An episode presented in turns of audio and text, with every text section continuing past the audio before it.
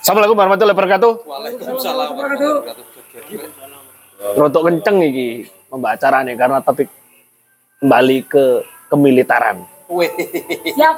Jadi harus dengan nada yang agak serem. Siap. Hai. Hai. Hai, hai, hai, hai, hai, hai, hai. kayak kayak kusir kuda gitu. Selamat datang kembali di Pil Kawaro Jilid ke 90 Sembilan puluh. Teng. 93. Teng. Hai, hai, Memang terasa sekali atmosfernya malam ini kekurangan wanita.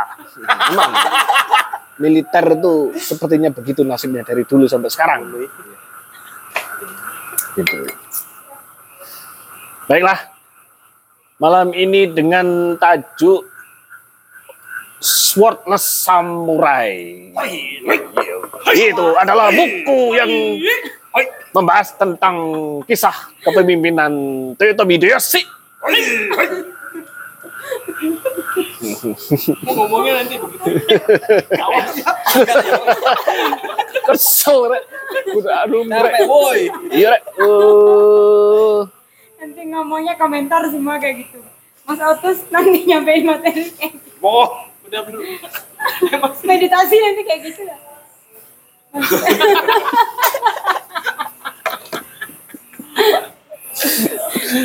Aduh, beginilah.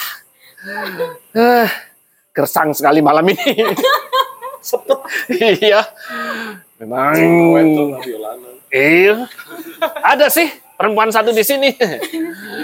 Iya, tapi sepertinya salah jiwa. ya, memang suasana kali ini menggambarkan pemateri. Kehidupan pemateri.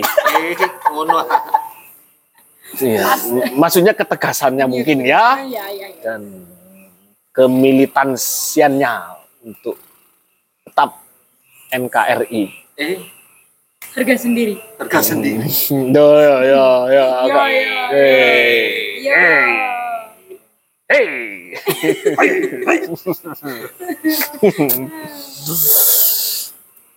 Baik.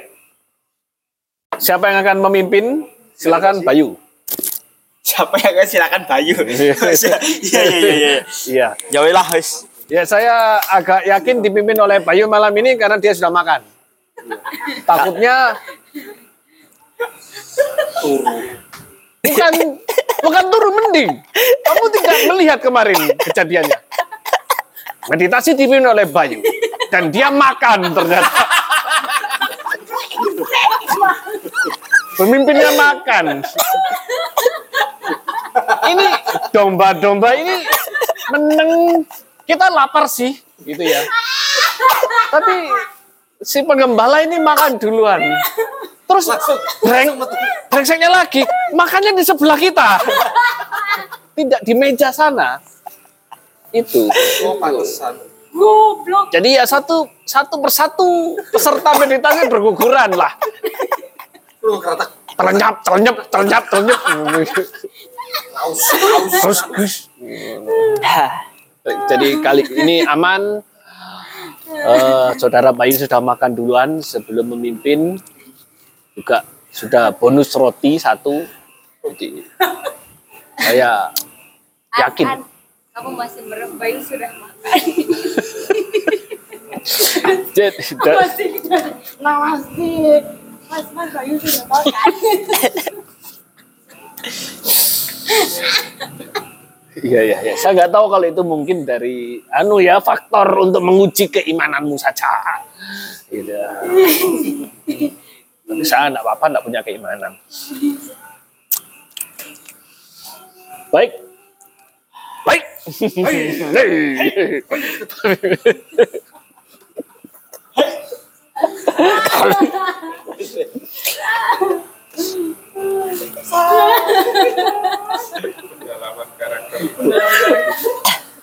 Saya serahkan Kait malam ini. dipimpin oleh saudara kita Bayu. Oke, terima kasih. Masuk haik barang rek. Ya gak ya gak apa-apa sakjane iki. Oke. Ya. Hari ini saya yang memimpin meditasi karena kemarin mereka semua Apa yuk? pada marah-marah ya. Karena saya tinggal makan.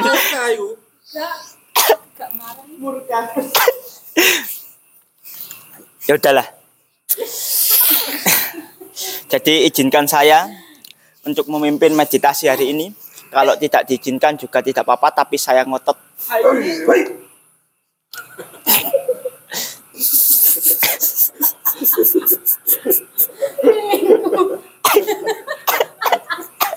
Ini sama dengan waktu di di bejana ini. Ya, ya. Eh, meditasi ini saya baru mempelajarinya pas ada di eh, Oh, baru sekali. baru sekali, baru sekali. Saya mempelajarinya di pantai Cacalan kemarin. Oh, Swangre. tempat.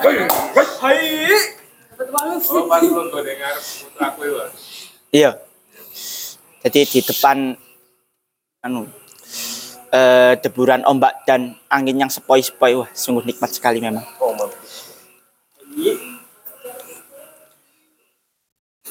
Kan ini pada dasarnya adalah meditasi cinta. Cek. Wah, Komentar roto-roto. Lah tentang cinta ini? Ayo. Ayo, ayo, ayo. Yo, yo. Siap ya, aku siap. Oke. Oke, silakan bagi yang mau memejamkan matanya silakan cari posisi yang sungguh enak.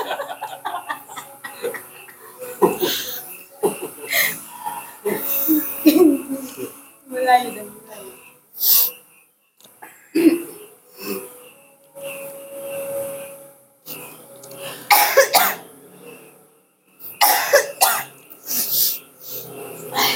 Ya. Silakan rilekskan tubuh kalian. Biarkan otot-otot yang menegang menjadi rileks.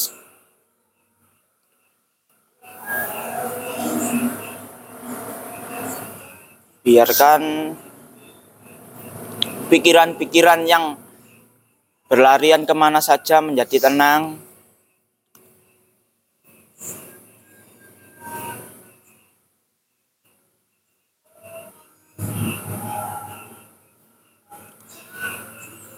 dalam tarikan nafas yang panjang dan hembusan nafas yang panjang juga semoga bisa menyelam ke dalam diri kita sendiri.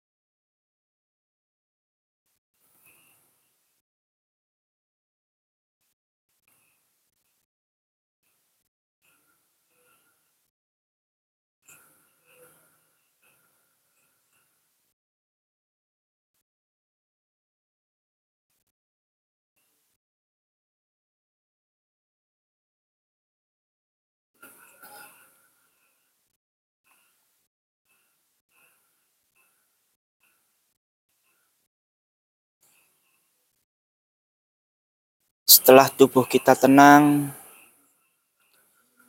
setelah hati kita tenang, setelah pikiran kita tenang,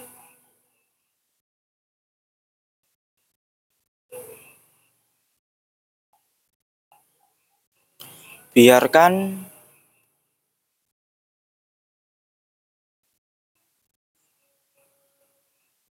tubuh kita merasakan segala hal yang berada di sekitar kita.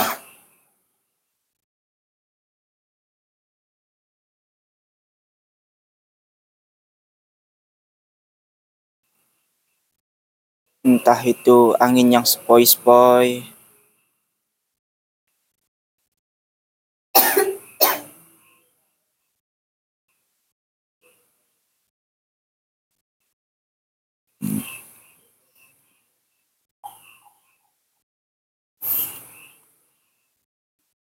entah itu dinginnya malam,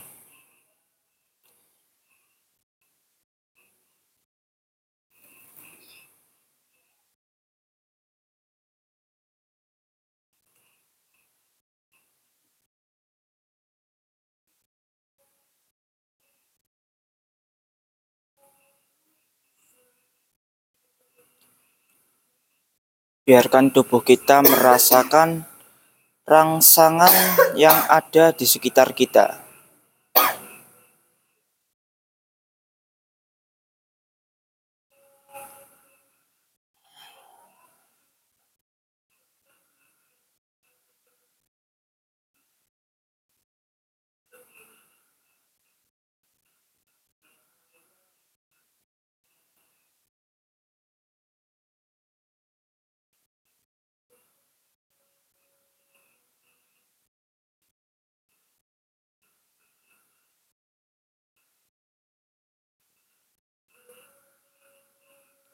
Sehingga kita menerima keadaan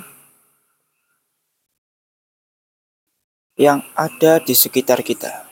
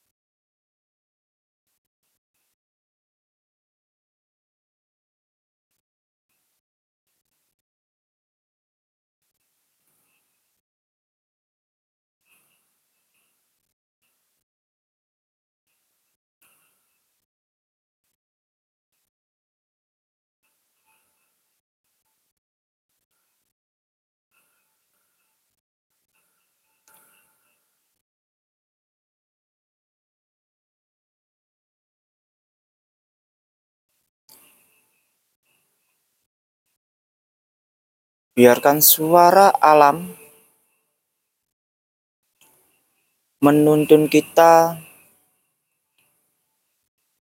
menemukan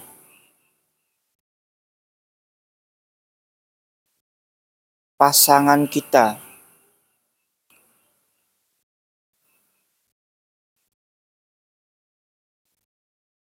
Entah itu kekasih masih entah itu kekasih masa kecil,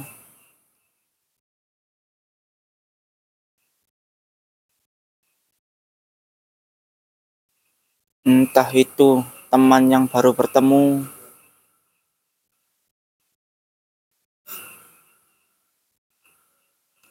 entah siapa pun itu,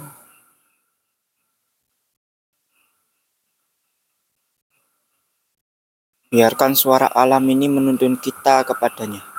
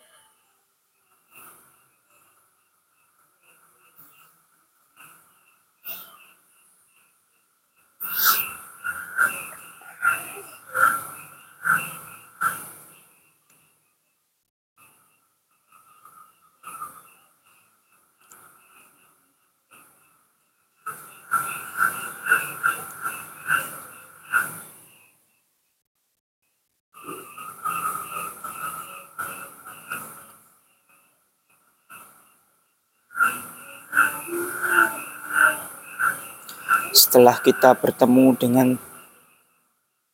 seseorang yang menjadi pasangan kita, sapalah dia.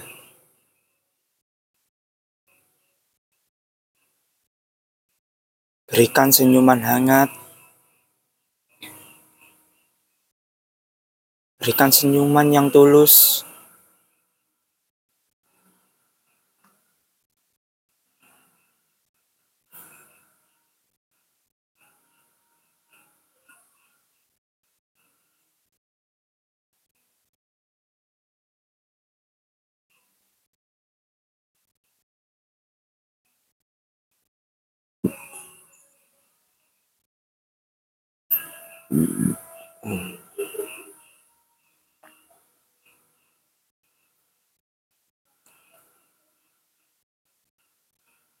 berterima kasihlah kepadanya.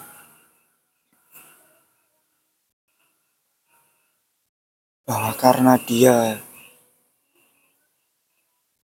kita bisa kita bisa tersenyum. Bahwa karena dia hati kita menjadi tenang.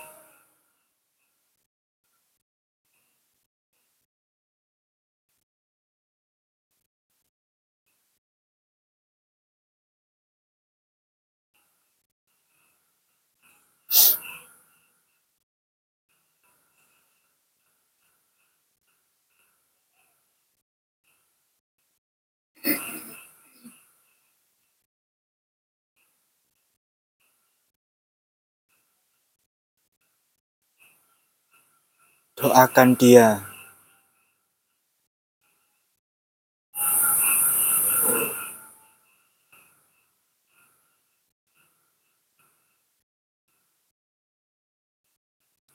Doakan dia agar bahagia.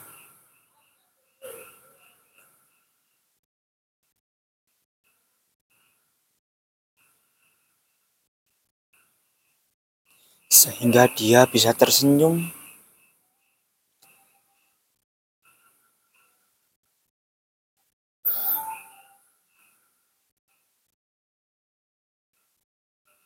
sehingga hatinya bisa tenang.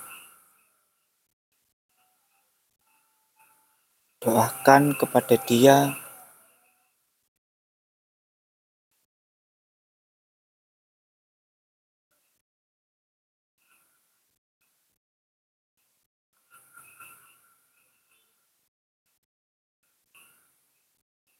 agar dia bisa melakukan apa pun yang disukainya.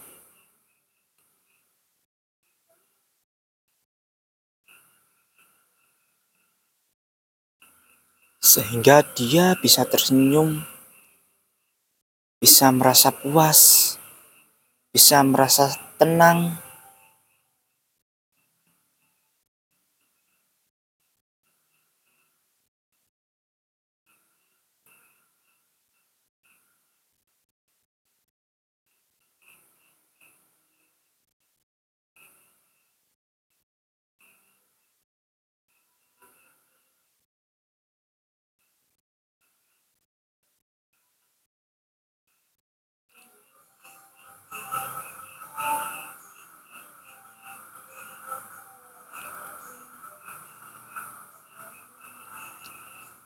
cintailah dia.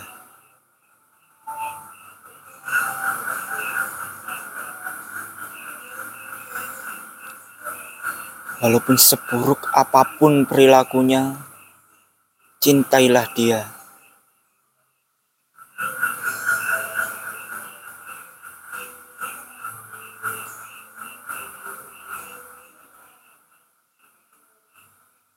Walaupun seburuk apa pun rupanya, cintailah dia.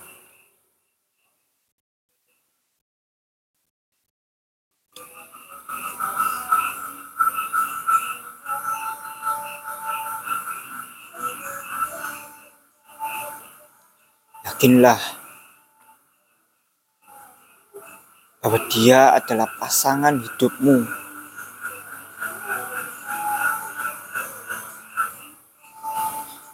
Yang dapat membuatmu berkembang,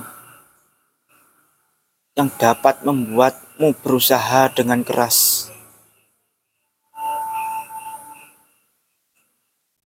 yang dapat membuatmu bertahan.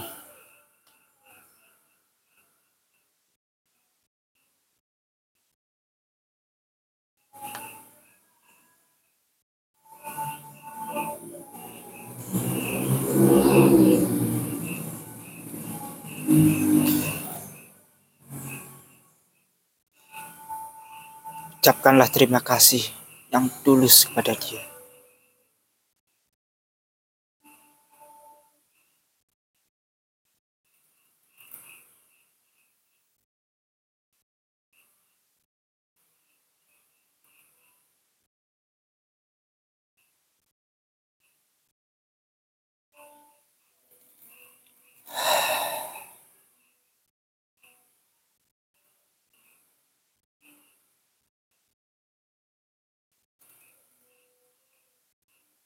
Terima kasih.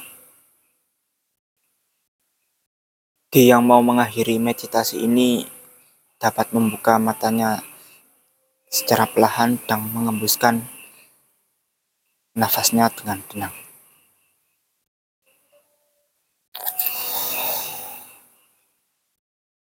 Sama mas, sama mas.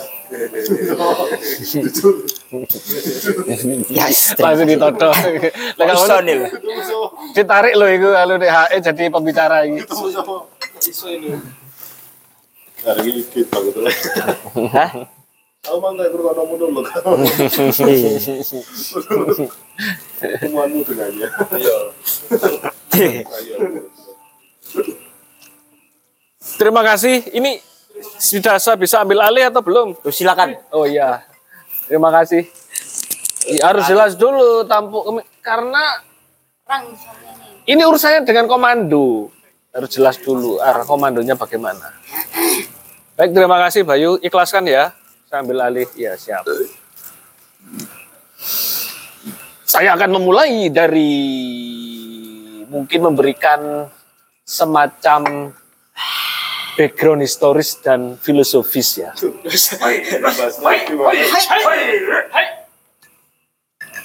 Kalau gak terima ya sudah, enggak apa.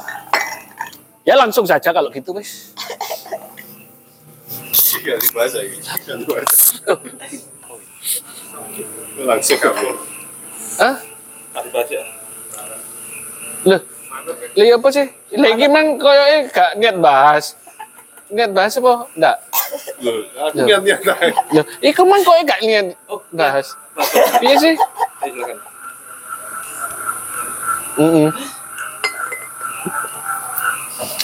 Oh yes. Lah iya. Bingung ngomong apa ini. Iya wis lek ngono.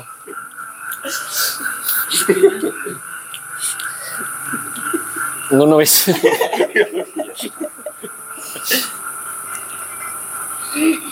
Nanti saja eh silakan diacarakan sendiri-sendiri ya. Bagaimana penaknya. Saya akan langsung ke materi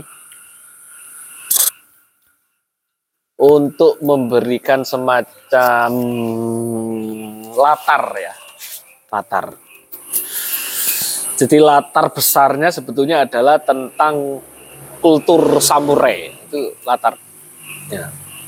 Jadi ada beberapa ada beberapa kalau saya salah mohon belajar sendiri ya jadi jangan terlalu percaya pada saya itu rumus yang harus saya anukan, eh, peringatkan. Latar besarnya adalah tentang budaya samurai atau peradaban samurai. Dimulai dari zaman yang saya sendiri kurang tahu melacaknya karena bukunya itu beberapa tahun yang lalu saya baca. Itu zaman di mana Jepang sudah masuk dalam peradaban agraris dari dari berburu meramu sehingga mulai menetap dan mulai ada perkampungan-perkampungan dan mulai ada kebutuhan untuk menjaga hasil panen dan menjaga tanah pertanian perebutan tanah pertanian Hei, hei, hei. nah dibutuhkanlah orang yang bersedia melayani tuan-tuan tanah. Gitu ya. Yang punya banyak tanah. Dulu itu ndak ada yang ndak, eh, ndak ada, bukan ndak ada. Eh, samurai itu bukanlah eh, pekerjaan yang diminati banyak orang. Karena kehormatannya sangat rendah, hampir mirip seperti pelayan gitu lah ya. Karena memang disuruh-suruh gajinya rendah gitu ya. Jadi itu awal mulanya. Dari kata bushi kan kalau tidak salah itu artinya juga pelayan. ya bushi itu kalau nggak salah. Nanti biar dikoreksi yang lebih mapan pengetahuannya lah gitu ya. Atau ingatannya karena dia baca bukunya barusan. Saya kan lama. Setelah itu setelah itu baru masuk ke zaman-zaman eh, peperangan. Saya eh, saya langsung lompat aja ya ada beberapa zaman, saya kurang tahu juga, tapi zaman di setting di mana tokoh yang akan dibahas ini itu settingnya adalah zaman era Sengoku ya. Itu berapa ya? 15 sekian ah? 1467 Oh, abad 15 berarti ya. Ya. 14. Abad 15. Itu di mana Jepang itu dilanda perang yang maha hebat dan ratusan tahun itu tidak berhenti perang zaman itu ya. Jadi eh, bayangkan orang Jepang itu selama ratusan tahun itu tidak berhenti membunuh dan tidak berhenti dibunuh. Maksudnya bahkan keahliannya itu ya membunuh Wih, sampean. Begitu begitu diasahnya kemampuan untuk berperang itu ya atau kemampuan untuk membunuh orang lain. Karena lama sekali keadaan kacau balau itu. Settingnya ini di zaman Sengoku ini sepertinya ini zaman paling brutal yang pernah dialami oleh Jepang. Eh, skala perangnya begitu masif, korbannya begitu masif, juga besarnya juga masif sampai keluar Jepang ya. Saat itu itu perangnya sampai melebar keluar Jepang. Di situ yang saya garis bawahi adalah tiga jenderal besar yang yang mungkin sangat terkait di zaman itu. Oda Nobunaga, perintis, terus Sopo iki Hideyoshi ini, siapa ya? Yoshi. Hamba kula pokoknya lah. Oh iya, Hati-hati loh ya. Hati-hati loh ya. Pak ini adalah apa? Ensisur era Meiji. Itu Nanti. nanti itu Nanti. Era yang masih muda. Na- nanti bulan depan bisa dibahas oleh pembicara. Men, oh. Hai, hai, hai. Ya. Hai. Pokoknya urusan militer. ya bagaimanakah peran apa manga itu terhadap enggak lah Eh, cek dipikir no dewi cek dipikir no dewi ada tiga itu dan yang terakhir adalah Iasu yeah. Iya. yang bisa saya simpulkan Oda Nobunaga ini yang me- yang menyiapkan adonan, Hideyoshi ini yang meramunya, dan Ieyasu yang memakannya. gitu ya. Dua dua orang ini, Hideyoshi dan Ieyasu ini menjadi anak buahnya Nobunaga. Jenderal-jenderal paling berpengaruh dua orang ini. Dengan karakter yang berbeda. Oda No- Nobunaga ini perintis, menurut saya ya, di, yang saya ingat itu perintis perang modern Jepang dari era yang klasik banget. Dia orang pertama yang tidak wagu, tidak kikuk, membawa senapan ke perang Jepang tradisional. Oh. Karena Emangnya kenapa pada saat itu kok? ya nggak ada yang mau pakai. Karena senapan itu dianggap senjata yang inferior ya. Maksudnya bisa meletus sekali. Setelah itu ngisinya lama gitu ya. Misinya lama, rumit. Habis itu kalau kena hujan dia nggak meletus gitu. ya. Nah saat itu Nobunaga ini yang menggunakan itu secara serius sebagai sebagai taktik perang menggunakan senapan bahkan menggunakan senapan campur dengan panah campur dengan tombak. Ngono. Jadi dia eh, berhasil mengalahkan bahkan musuh yang satu banding 20. Ya. Dia yang mengawali perang modern dalam wilayah industrilia industri Reali- Sasi. sasi. Militer. Gitu. Ada ada upah yang naik.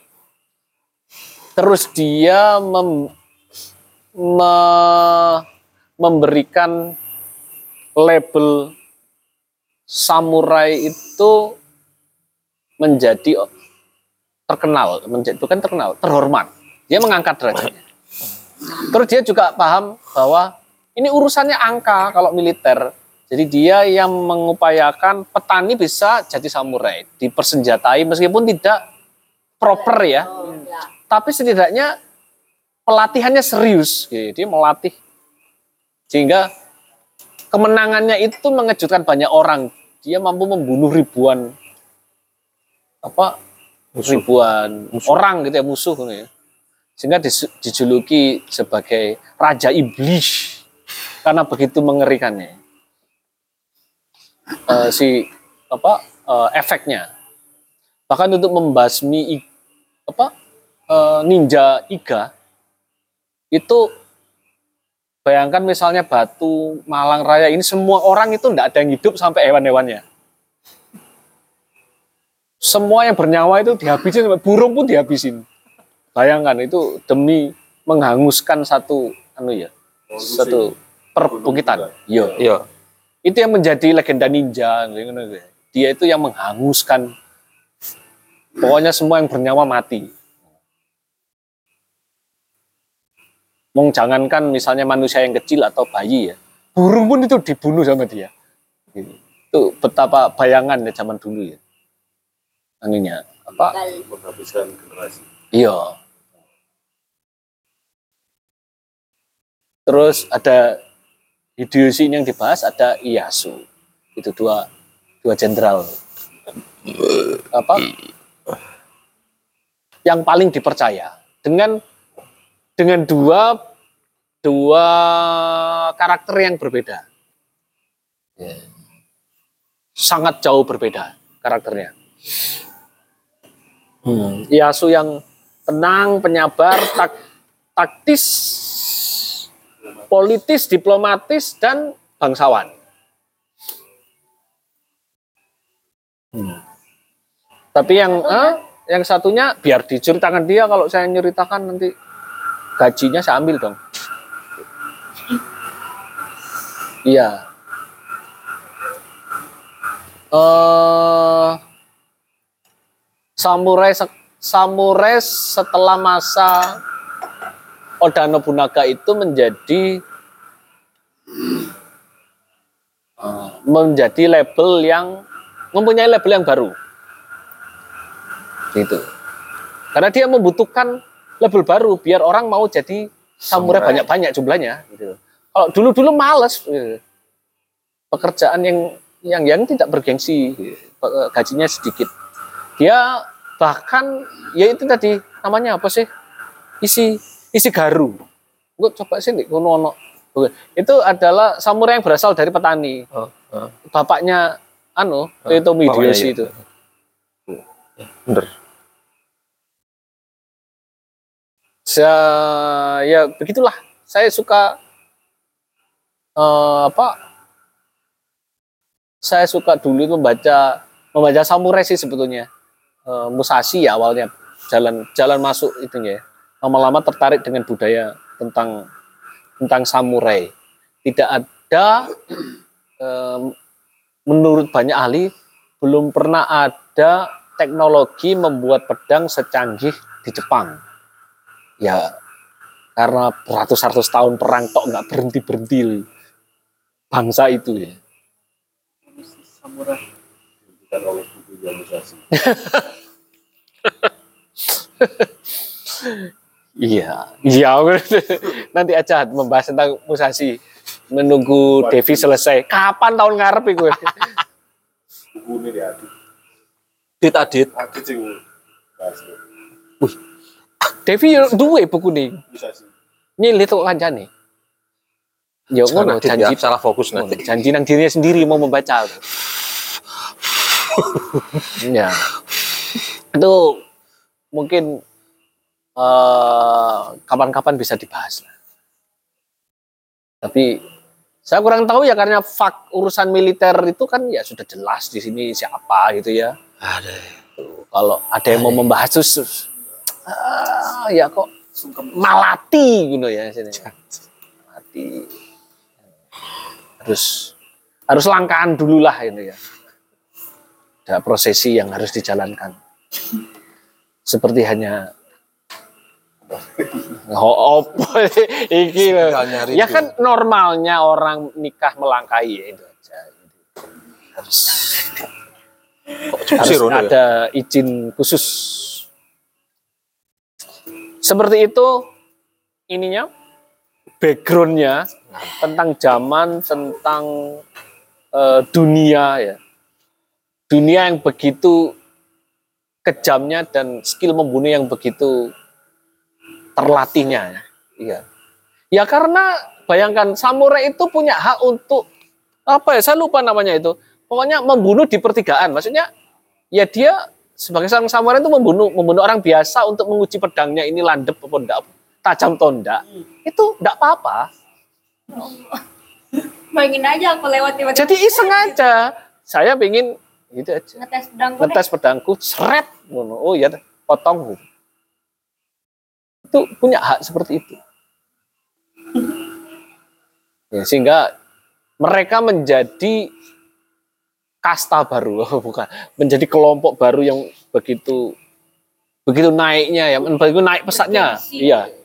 Setelah era Oda Nobunaga, tiga orang ini, zaman Sengoku, menjadi mau kasta yang yang paling berpengaruh, Aku mau nanya dulu. bahkan di atas kaisar Aku mau nanya dulu. yang dinamakan shogun. Aku mau nanya dulu Shogun dilawan. Sebelum masuk ke Mas Otus. Itu waktu, waktu zaman perang itu perangnya melawan siapa? Kaisar Oh, iya. antar kaisar. Terus apa yang menyebabkan peperangan itu terjadi sehingga itu beratus-ratus tahun perang terus terjadi. Ya, terima kasih. Eh, Kaisar saat itu menjadi simbol saja. Tidak punya kekuatan secara fisik. Kekuatannya hanya berupa filosofis dan spiritual. Simbol. Tidak punya kekuatan real, Kaisar. Yang punya kekuatan adalah panglima-panglima perang yang Shogun. Mm, yang yang men- yang yang mengepalai daerah-daerah tentu saja Jepang itu dibagi menjadi utara, barat, timur dan tengah. Dan itu mereka ada ratusan ya. Daimyo daimyo namanya. Jadi panglima-panglima kecil besar kecil besar itu mereka itu saling berebutan dan dan begini, kenapa kok itu ada?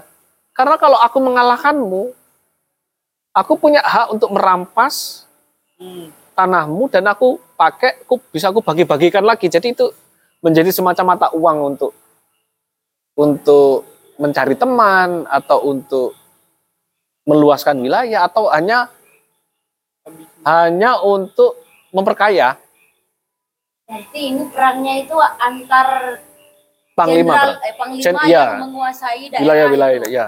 Bukan antar kekaisaran berarti. Enggak, kaisaran cuma satu. satu. Oke, thank you. Sampai pada eranya Nobunaga itu yang kepikiran eh tak kuasain semua ah seluruh Jepang. Nah, baru itu. Jadi sebelumnya sepertinya belum ada konsep tentang unifikasi seluruh Jepang di bawah satu satu panglima. Nah, ngono loh. Belum ada.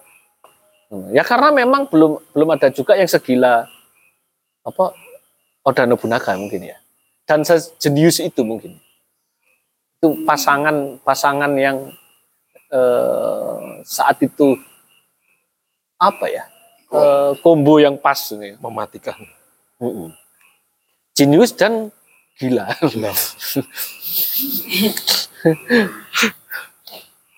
begitu eranya makanya tidak pernah berhenti berperang. Silakan kalau ada yang mau menambahi tentang background kalau dicukupkan bisa langsung.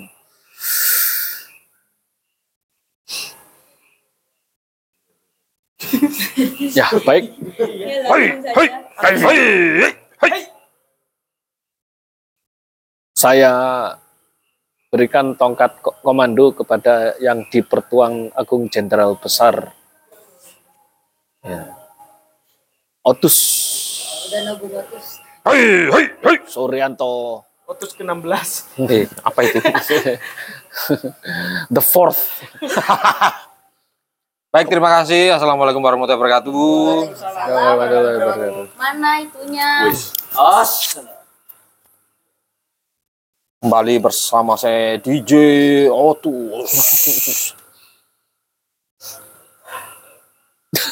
Selamat delok iki lho. kan tadi diboke deh. Saya tampani. Aduh, aduh, aduh boleh. Ya, tadi interlude yang sangat sungguh sangat sungguh sangat sungguh Sungguh sangat. sungguh sangat sungguh sungguh sangat epic sekali oh apa sih guys Frederick Togok ya. Oke, sebelumnya eh, bahasan ini berdasarkan buku The Swordless Samurai eh, karangan Kitami Masao dan ini diedit oleh Tim Clark. Ini buku sebenarnya eh, lebih ke si penulis ini menuliskan eh, sudut pandangnya tentang tokoh yang akan kita bahas yaitu Toyotomi Hideyoshi. Jadi dia menuliskan berdasarkan surat-surat atau dokumen-dokumen lain yang berhubungan dengan Hideyoshi sendiri. Dan FYI, Hideyoshi ini eh, apa namanya di Jepang itu sangat-sangat eh, apa difigurkan ya figur yang sangat-sangat besar sekali. Ya, saya tidak tahu ya kalau di sini setara dengan siapa ya. Cuman eh, di sana ketika eh, murid-murid belajar dari sekolah dasar sampai perguruan tinggi, Hideyoshi ini selalu di bisa lah. di apa filsafatnya dan dan pemahamannya tentang eh, eranya Hideyoshi ini selalu dibahas dan dijadikan semacam kayak apa ya ini doktrin mungkin mungkin seperti itu. Kalau kan padang cerdas.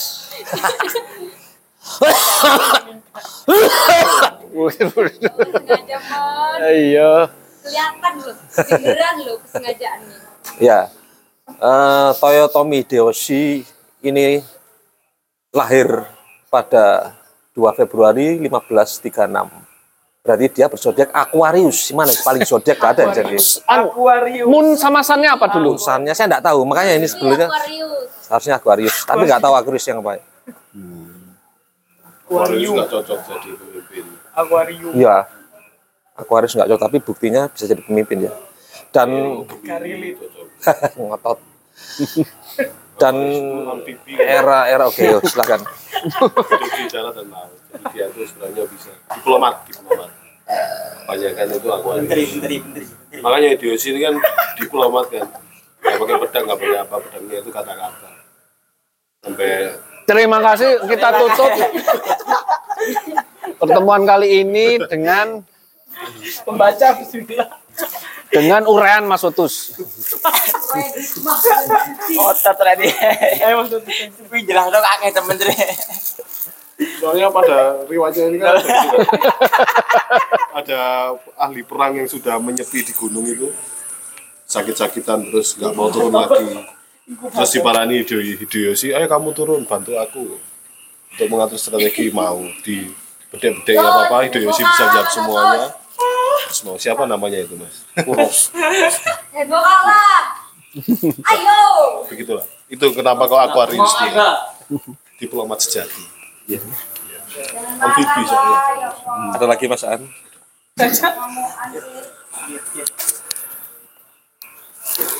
Oke, era yang kita bahas ini bersamaan dengan 1540-an itu yang terjadi di Jawa adalah era keruntuhan eh, Demak menjelang keruntuhannya, yaitu terbunuhnya Sultan Trenggono kalau nggak salah 1540-an. Gitu. Jadi eh, sedangkan di Eropa sudah mulai masuk abad pencerahan. Jadi di Asia masih bergelut dengan konflik. Terus apa yang disampaikan Frederick lagi eh, bahwa sedikit koreksi mungkin ya benar ya Jepang saat itu dipimpin oleh satu kaisar saja dan bawahnya adalah di bawah kaisar itu ada shogun. Eh, shogun ini bisa dikonversikan ke jenderal perang. Jadi dia membawai banyak daimyo.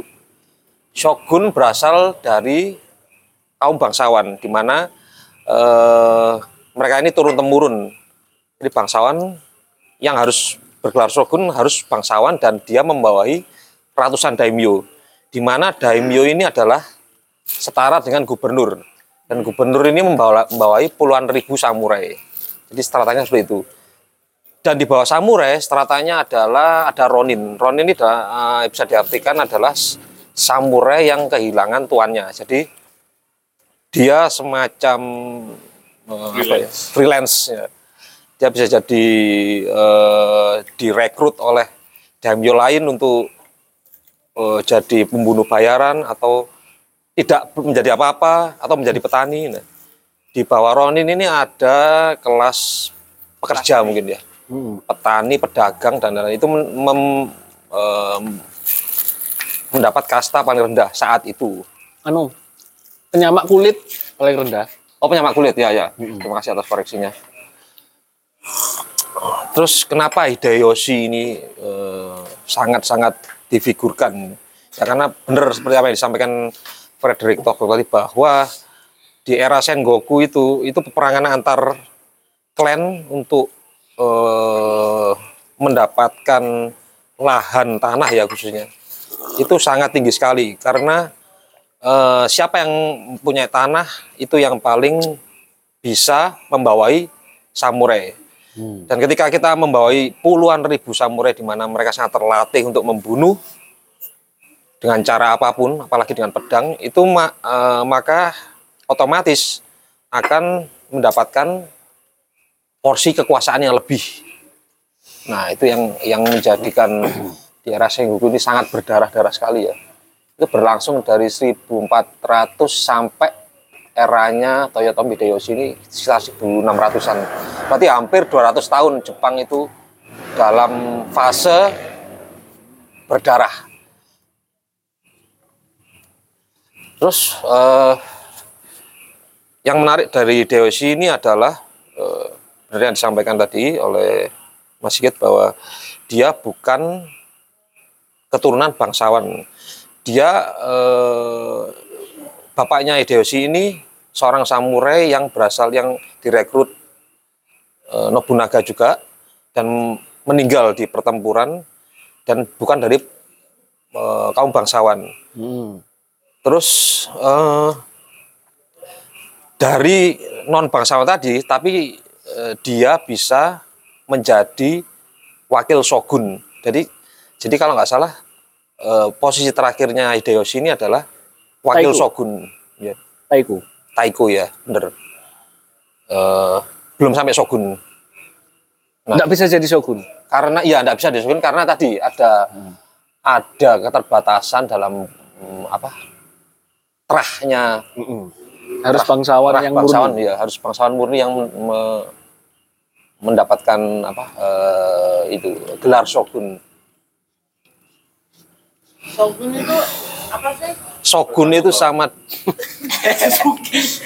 shogun itu adalah jenderal perang jadi mungkin kalau sekarang ini eh, panglima tertinggi Angkatan perang. angkatan Senjata. perang iya Ya ngerti ngerti.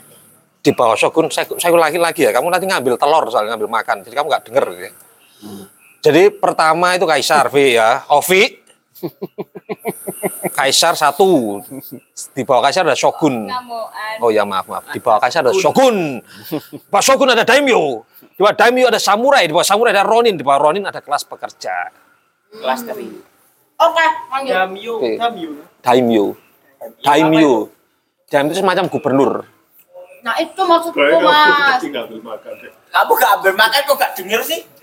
Maksudku gitu. Jadi misalkan kaisar ini kalau di sini presiden apa gitu, Eh. kayak gitu. Tadi sudah disampaikan Mas Sigit kamu nggak dengar kali ya Ambil makan. Denger, oh iya iya iya tapi kan nggak disampaikan apa-apa. iya Kamu sekarang mengkritik penjelasanku. Gak tanya, nyalain. Jadi eh, awal mula ceritanya kenapa kok Hideyoshi ini bisa menjadi orang kepercayaan Nobunaga itu dia dari umur eh, dia kan eh, Hideyoshi ini eh, apa namanya perawakannya itu sangat-sangat tidak mumpuni menjadi seorang prajurit saat itu ya karena dia tingginya cuma 150 cm. Kak apa? Sak Messi. ya pendek sekali. Terus beratnya cuma 50 kg di mana ketika dia harus eh, mendapatkan pelatihan tempur itu ada standar yang harus dipenuhi. Dan itu tidak boleh itu harga harga mutlak, jadi tidak boleh di Tawar-tawar. ya tidak boleh tawar. Tentang tinggi dan berat badan apalagi tentang garis keturunan itu harus harus ada. Nah, terus eh, semenjak ditinggal bapaknya meninggal ketika di eh, perang antar klan itu oh ya oh ya saya lupa jadi eh, di Jepang itu saat itu itu kan banyak sekali klan ya. Nobunaga ini masuk klan Oda. Jadi Oda itu nama klan. Ada klan-klan lain. Saya saya saya nggak tahu yang eh, spesifik seperti apa. Cuman perang antar klan ini yang menimbulkan eh, apa namanya Sengoku tadi berlarut-larut. Tidak ada habisnya sampai 200 tahun nanti. Terus Dayoshi ini eh, dia semenjak tinggal bapaknya eh, kan hidupnya miskin sekali itu dia sama ibu- tinggal sama ibunya dan harus menghidupi keluarganya terus satu saat dia eh, berikrar pada dirinya bahwa saya nggak saya harus menjadi seorang ini aku tunggu apa Aku dengar, aku dengar. Oke. Saya tidak. Lanjut. Menajamkan telingaku. dia harus menjadi eh, seseorang untuk menaikkan taraf hidup keluarganya. Rada pedes sih gue mang. Oh, kayak gak kerungu loh. Terus aku tidak pada.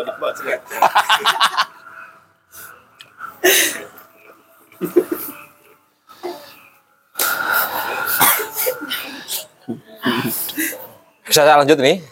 Ya lanjut mas. Ketika umurnya 15 tahun di suatu musim semi, kebetulan Lord Nobunaga bersama pasukannya ini dia dengar bahwa Hideyoshi dengar bahwa ini Lord Nobunaga lagi mau lewat kampung sini nih. Dia kan hidupnya di Nag- Nagoya ya. Hideyoshi itu di Nagoya kalau. Terus dia punya ide, wah Nobunaga ini yang eh, dulu ayahku mengabdi kepadanya. Jadi aku ingin mengabdi padanya karena Nobunaga saat itu memang namanya sangat terkenal eh, menakutkan sekali. Gimana caranya aku kerja sama ikut Lord Nobunaga. Aku nggak berharap jadi samurai.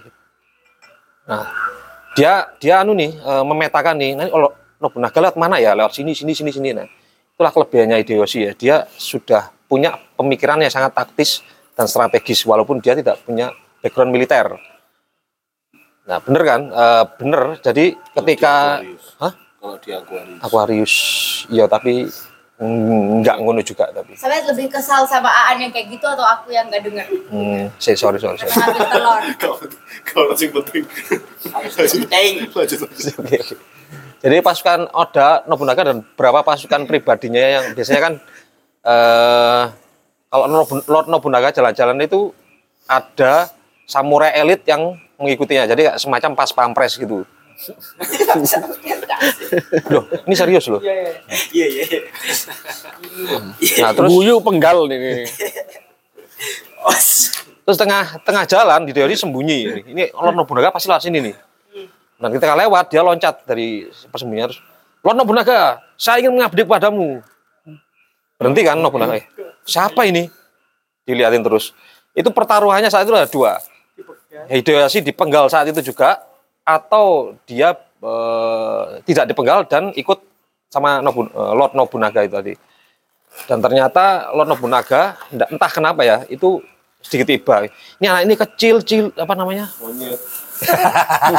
Belum iya, belum disebut tapi ini anak kecil kok berani-beraninya gitu kok menyetop eh, apa namanya? Orang saya seorang Nobunaga bersama kaisar eh, bersama pasukan elitnya.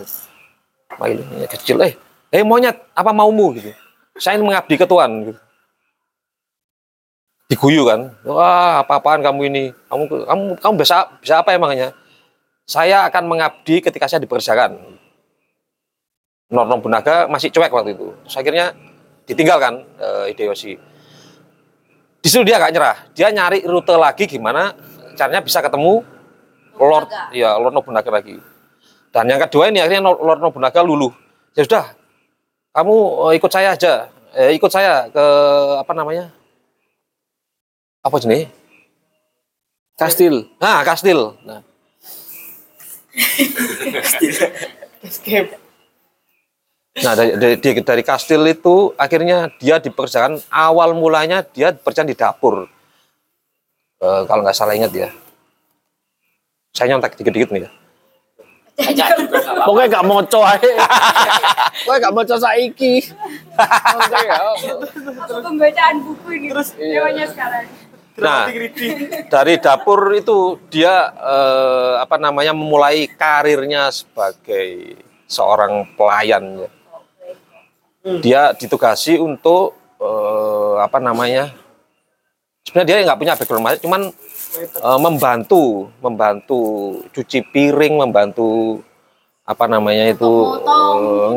eh, ya motong-motong terus kulaan itu bahan Ah. bahan baku itu dan dari situ dia eh, mulai Piling-iling. Mulai ini. Yo. mulai menata bahwa ini ini bisa apa namanya eh, pengeluaran di dapur nih bisa diirit nih lebih Diminimalisir. efisien. ya diminimalisir biar nggak terlalu apa namanya bengkak. boros ya. Satunya. Terus juga dia dia me- menanamkan budaya bahwa kalau kerja jangan main-main. Karena saat itu mungkin karena orang-orang yang tidak menjadi samurai itu terkesan tidak punya nilai ya. Tidak punya eh, mungkin kehormatan ya. Jadi mereka kerjanya sambil bercanda-bercanda terus tidak serius intinya. Nah dari situ Hideyoshi mulai me- me- apa namanya, menanamkan itu ke teman-temannya satu lingkup ruang kerjanya itu. Nah itu akhirnya disoroti oleh Nobunaga. Ini kok ada efisiensi yang tinggi dari dapur ini siapa yang eh, apa namanya bikin kayak gini. Terus juga dia eh, menanamkan jiwa solidaritas yang tinggi ke teman-temannya ya saat tadi dapur itu bahwa kita ini kerja eh, melayani tuan yang sangat-sangat keren lah istilahnya. Kita harus serius, kita harus saling punya rasa saling memiliki satu sama lain. Jangan jangan menganggap kita ini eh, pekerjaan kita ini remeh-temeh. Dan akhirnya ada ada apa eh, muncul efisiensi, terus muncul bahwa mereka juga apa solid gitu. Bagian penting lah. Ya, nah terus setelah disoroti Nobunaga dia dipanggil. Ini ini apa bener hasil kerjamu? Ya, ya tuan. Oke. Berarti Sudah, kamu eh, Hideyoshi. Dimulai dari dapur. Dan piknik. Eh terus. Terus terus mulai saat itu eh, Deosi mendapatkan apa namanya ah, mendapatkan promosi ya dia ditempatkan lagi kalau nggak salah itu di kandang kuda lah iku. itu rada PR lek rono kandang kuda Ini kan itu. tiba-tiba kayak kuda-kuda. Loh, kuda besi, gojek. Ya apa? Ya Jangan apa? salah. Makanan white. Lu buat lo iki. omong-omong soal kuda ya saat itu ya jadi gini Iya iya iya. jadi Armuan. Bisa lanjut lagi ya Iya, iso iso. Bisa, bisa, bisa. Eh, eh, hai, hai, hai. Jadi kuda saat itu itu eh, bukan hal yang remeh-temeh juga. Itu sangat-sangat krusial. Siapa yang megang kuda itu berarti dia siap dipancung apabila eh, momen-momen krusial itu kudanya tidak mau apa namanya? Kudanya dalam dalam Males. iya bukan tidak fit atau lapar atau tidak mau sakit lah. ya sakit. Tidak Nah, bisa pakai lah ya. ya bisa pakai itu pasti dipe- dipenggal saat itu juga. Jadi itu posisi yang sangat krusial juga dan Hideyoshi tempatkan di situ. Dan dia bisa menempatkan job desk-nya eh, dengan sangat bagus yaitu kudanya Nobunaga ini bisa dipakai setiap saat. Bahkan ada satu momen ketika eh, itu jam malam dan semuanya sudah tertidur. No- No- Nobunaga ini sangat unik. Jadi dia pemimpin yang ketika semuanya tidur dia melek sendiri. Dia kadang keluar sendiri sambil apa namanya mengawasi sekitarnya. Ini ada musuh ada musuh yang men- menyelu- menye- menyusup atau tidak, nah gitu. Dan benar, suatu saat ketika semuanya sudah tidur, Nobunaga ini pada datang dan kudaku siapkan. Dan dia tidak mau kudanya dalam kondisi tidak fit. Dan dilalah kudanya ini sudah siap dipakai. Oh, apa sih ngono, Cok? Nah itu saya lebih kesel yang mana? Hah? Aku yang ngambil telur. Sama-sama ngeselin sih ya. Ayo terus Mas. Ya dan dan kudanya sudah ternyata sudah siap dipakai. Nah, dari situ Nobunaga ini langsung wah ini anak keren sekali nih. Kecil nggak bisa perang tapi kok punya kemampuan kuda. bukan melebihi. dia punya kemampuan untuk eh, apa namanya me- ya manajemen yang sangat baik dalam melaksanakan tugasnya. Terus akhirnya naik lagi lah itunya job desk-nya menjadi pembawa sandal Nobunaga. Jangan salah juga ya. Kok iso guyu lho. Guyui. Ya terus terus terus terus pembawa Sandal sandal. sandal iso musik rek sen.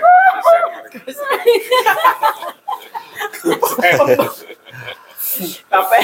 For your information ya, sandal Sandal. ketika tidak siap dipakai Nobunaga, kalian akan dibantai satu turunan. Jadi bapakmu, embahmu, ponaanmu, palikmu, budemu itu akan dibantai semua. Jika sandalmu, sandalnya Nobunaga ini ada apa-apa. Terus gimana tuh ceritanya sandal? Ya dari sandal ini akhirnya eh, dia punya sedikit punya power karena pembawa sandal ini juga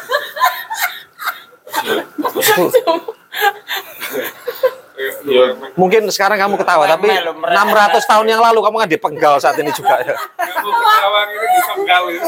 Wes, wes. Oleh dijelep-jelep no. Kayak bilang kayak gitu jadi kayak Kamu menyemur di lemari dibantai.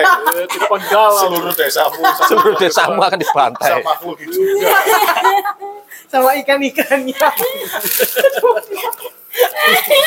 aduh ya Allah. Ayo. Seluruh terahnya lah dipenggal gara-gara sandal. Lanjut Mas. Oke. Punya power. Eh, dia punya power ya setelah itu. Eh, istilahnya dia bisa membawahi beberapa eh, pasukan karena membawa sandal tadi ya, jangan salah ya. Terus juga eh, Hideyoshi saat itu nggak berhenti saat itu, eh, apa nggak berhenti di situ. Dia ingin dia punya ambisi bahwa saya ingin menjadi tangan kanan Lord Oda. Dan muncullah satu job desk lagi.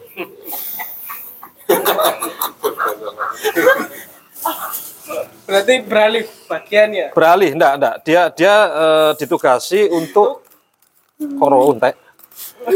Dia ditugasi untuk membangun benteng Jadi mandor. Jadi dari mandor. betul. Oh mandor mas, bukan kerjanya. bukan. Dia menjadi mandor. Di mana saat itu Pak? Saya lupa bentengnya. Bentengnya saat itu tidak selesai karena karena kulinya itu resek semua. Jadi kuli-kuli pembahasan sandal tadi loh. kuli-kulinya eh, benteng ini harus selesai dalam waktu kalau nggak salah itu tidak boleh lebih dari satu minggu dan eh Lord Nobunaga nggak mau tahu ini kalau nggak seminggu nggak selesai kalian saya penggal lagi-lagi dipenggal ya dan apakah itu penggal. Sudah menjadi kebiasaan yang menggali. Menggal. Dan dia sih dipertaruhkan lagi lah posisinya di kepalanya juga dipertaruhkan di situ bahwa ini gimana ya caranya bikin benteng secepat mungkin ya? Enggak. emangnya dia Bandung SD. Bondowoso? Emangnya dia tukang settingnya kendung kenceng. eh eh, eh kok Runo ya? Eh aku langsung ser. Oke.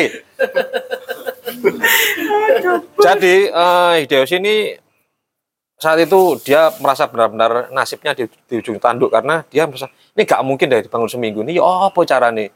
Sedangkan kalau benteng itu nggak berhasil dibangun eh, apa namanya ga- garis batas eh, kekuasaan itu terancam. Kalau terancam otomatis itu membahayakan ratusan ribuan samurai yang berada di bawah eh, ini kepemimpinan Lord Oda jadi mau gak mau dia harus melaksanakan tugas itu dengan eh, secepat mungkin dan harus selesai dalam waktu yang itu eh, deadline-nya itu ya. Tentukan. Dan akhirnya dia cari cara ya apa ya? Sedangkan SDM-nya kuli-kulinya lagi ya di situ itu sama kayak di dapur bahwa mereka tidak punya apa passion, passion apa?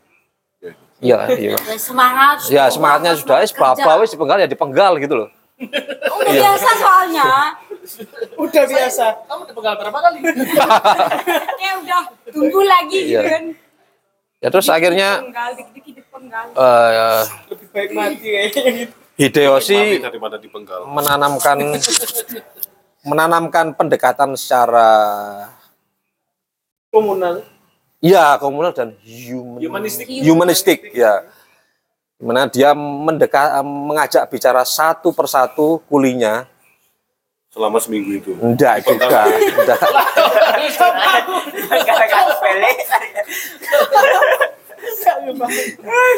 dan dia eh, berusaha berusaha semaksimal mungkin untuk mendapatkan eh, kedekatan secara emosional dari pekerja-pekerjanya. Nah, itulah yang apa namanya menjadi enggak ya Jokowi itu. Hah? Enggak juga. Tapi-? Mungkin seperti itu ya, itu bisa jadi. Karena eh, eh, secara masif akhirnya pekerjanya mengenalnya dan dan sering diajak bercanda dan apa namanya? Dia menjanjikan bahwa nanti kalau selesai dalam waktu seminggu kalian gajinya tak naikkan dua kali. Padahal eh, Dua kali lipat apa dua kali? dua kali lipat. Padahal dia tidak punya apa-apa karena dia bergantung sama gajinya sendiri, di mana yang dia janjikan itu sebenarnya adalah gajinya sendiri. Jadi eh, Hideyoshi mengorbankan gajinya untuk memberikan ke para pekerja itu. Itu pertarungannya dan dan, dan dia juga menembung eh, apa ya? menegosiasi dengan para produsennya. Itulah kemampuan diplomatisnya sangat-sangat Ya. kemampuan diplomatis eh, Hideyoshi ini sangat-sangat luar biasa. Dia dari hulu ke hilir itu tembung semua. Iya benar. Dinego. Ya di Nogo ya, betul. Maaf maaf ya. Kompromi ya. Terus Ya, akhirnya eh, jadi bahkan sebelum seminggu akhirnya kasirnya sudah jadi. Dan itu kan akhirnya membuat Nobunaga, wih gendeng nih monyet. Kok iso kamu kayak gitu? Tukang setting itu udah kenceng. Maneh, tadi. Iku apa itu nih? tapi orang nego dilakoni dewe. Tetep dadi sih. Iya, ya. ya dari situlah akhirnya dia mendapat kepercayaan penuh. eh iya, eh, setelah itu Hideyoshi masuk di eh, apa namanya struktur eh, militer di kepemimpinan Lord Oda ya. Dia jadi dia diserai pasukan pasukan apa namanya? Saya lupa namanya. Jadi ini pasukan itu pasukan sweeper. Sweeper ya, saya ambil ambil ambil gampangnya aja. Di mana ketika ada invasi ke suatu tempat terus diharuskan misalnya invasinya ke Panjen. Lord Nobunaga ke Panjen nih sama eh, Pasukannya.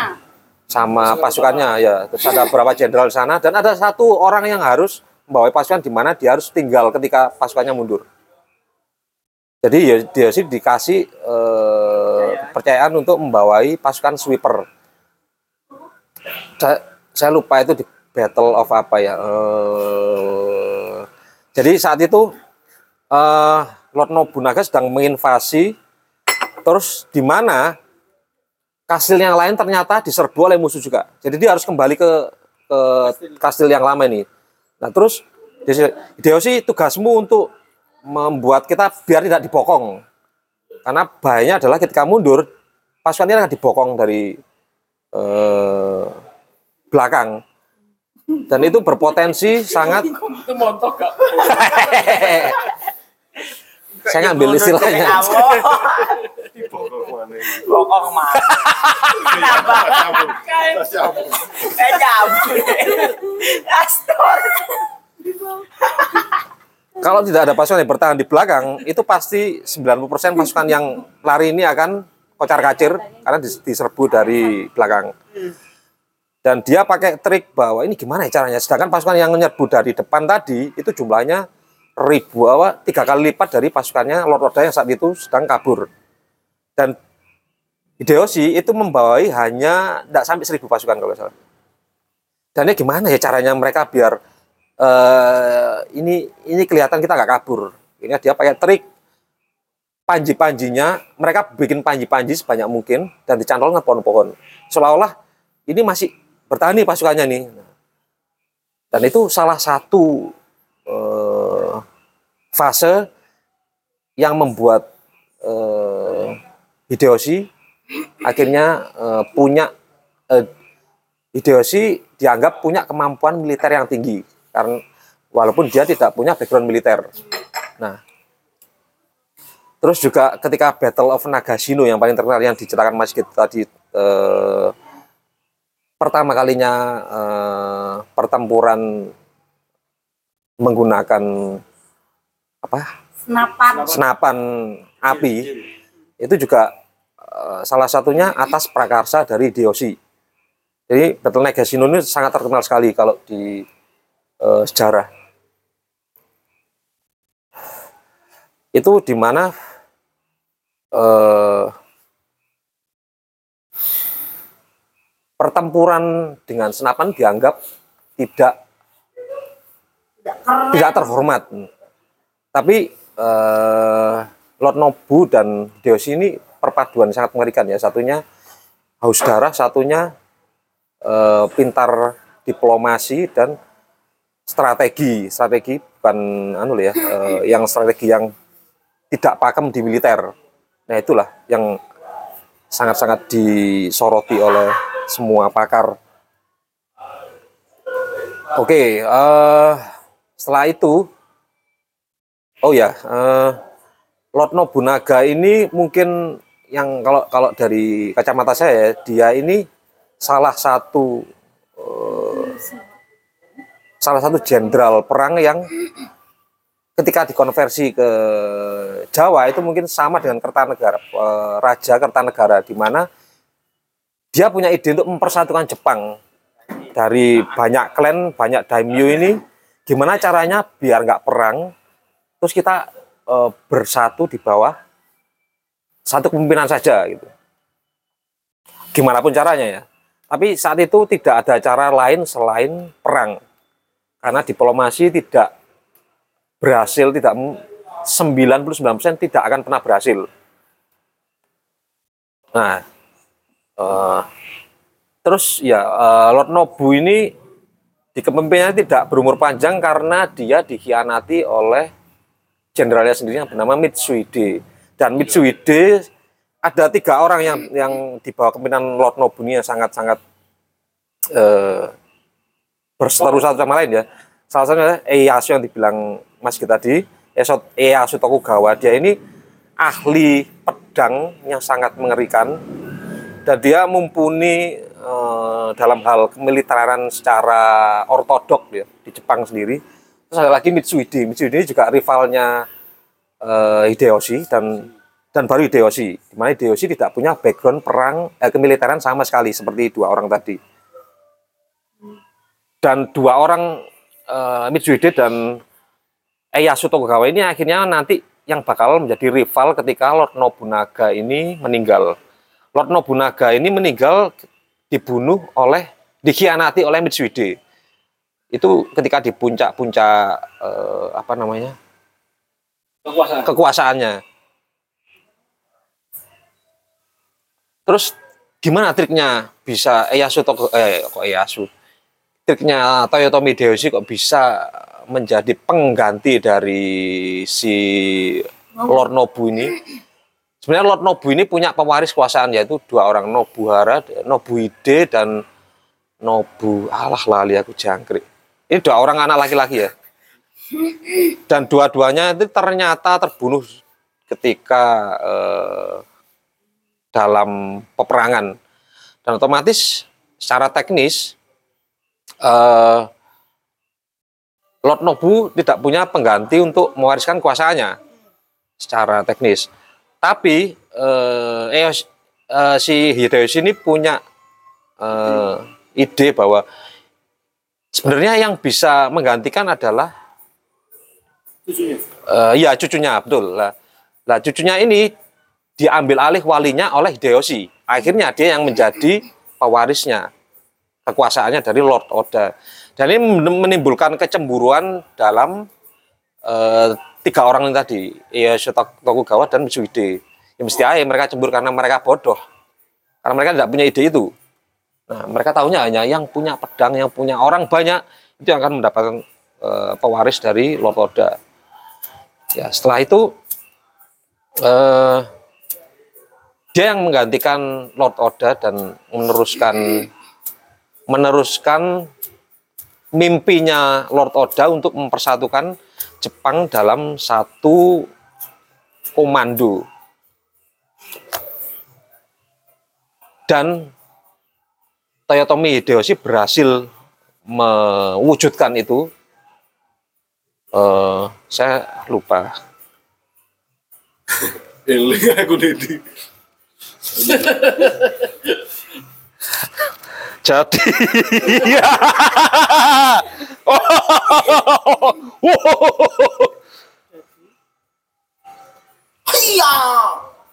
seribu lima ratus sembilan puluh.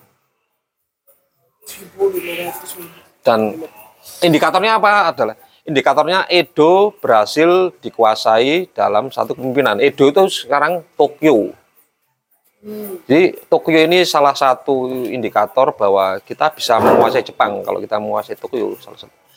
Dan ketika tahun itu Hideyoshi bisa akhirnya me- menjadikan saat Jepang dalam satu kepemimpinan dan dia tidak bisa menjadi shogun karena itu tadi karena dia bukan keturunan bangsawan dan tidak punya eh, terah militer bangsawan juga. Cuman eh, dari eh, sebenarnya eh sebagai manusia Hideyoshi ini menurut saya itu sangat-sangat berhasil ketika dia menjadi seorang pemimpin tanpa jalur militer tanpa apakah dia melakukan perang? Dia dia melakukan perang. Tapi bukan itu yang satu-satunya utama karena dari banyak penaklukan dia pakai strategi diplomasi. Salah satunya adalah misal gini ketika di salah satu perangan dia tahu bahwa saya lupa ya nama namanya mohon maaf ya ini ini musuh ini sangat samurai sangat senior. Dia jenderal yang sangat senior. Dia sudah ikut dari di era Sengoku se- 1500 awal sampai hampir dia usianya mungkin 70 tahun kalau salah waktu itu. Ini eh, bawaannya itu juga samurai yang pro pro sekali. Jadi andaikan pasukannya ketemu one on one itu pasti kalah kas- pasukan Hideyoshi.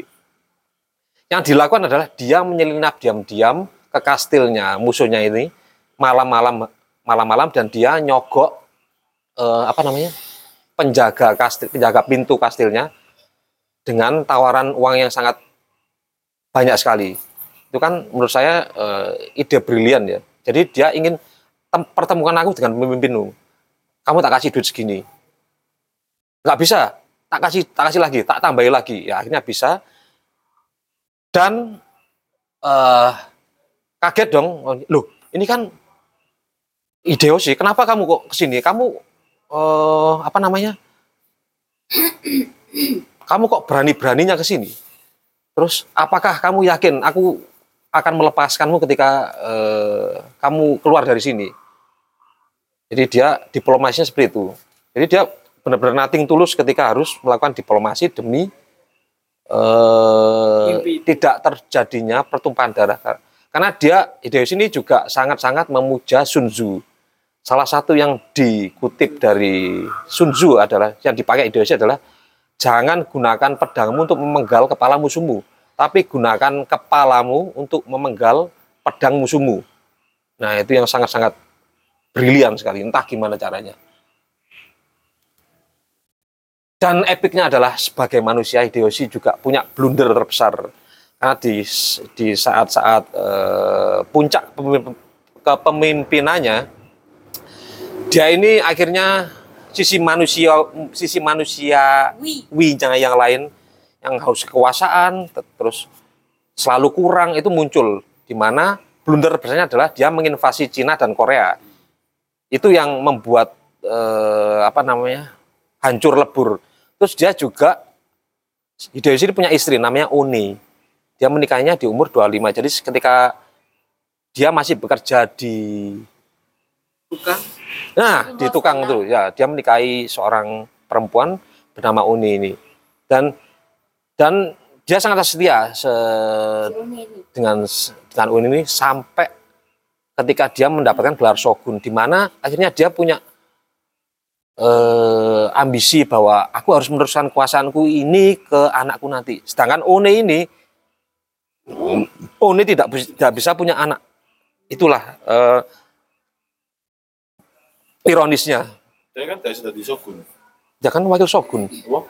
wakil shogun. Shogun ini si arek cilik itu ya. Ya. Terus akhirnya dia mama mama Kahit. enggak enggak me, enggak sorry sorry me, no no no no merekrut banyak selir wow, me- merampas banyak. Kok merampas apa ya? Mengambil. mengambil banyak selir. Selingkuh gak oleh. maaf maaf maaf. Maaf ah Oh, jenenge. Lady Caca. nah salah satunya Lady Caca. Oh, baik. Jadi dia dia me- mem- mengambil banyak selir untuk mencari penerus tahtanya di mana selirnya jumlahnya kalau tidak salah itu ratusan dan salah satunya dibilang masih Lady tadi Caca. Lady Caca itu di mana dia akhirnya punya anak laki-laki. But anak laki-laki ini Cuman eh, tidak berhasil karena di saat itu eh, Hideyoshi ini sisi manusiawinya yang lain itu ingin memperlebar kekuasaan di mana rival terbesarnya saat itu adalah Korea. Korea di selatannya Jepang ya. Terus eh, Cina itu sebelah timurnya Jepang dia harus melintasi laut dulu. Nah itu yang akhirnya membuat eh, kepemimpinannya itu diragukan. bukan hancur karena apa? Menginvasi butuh biaya besar.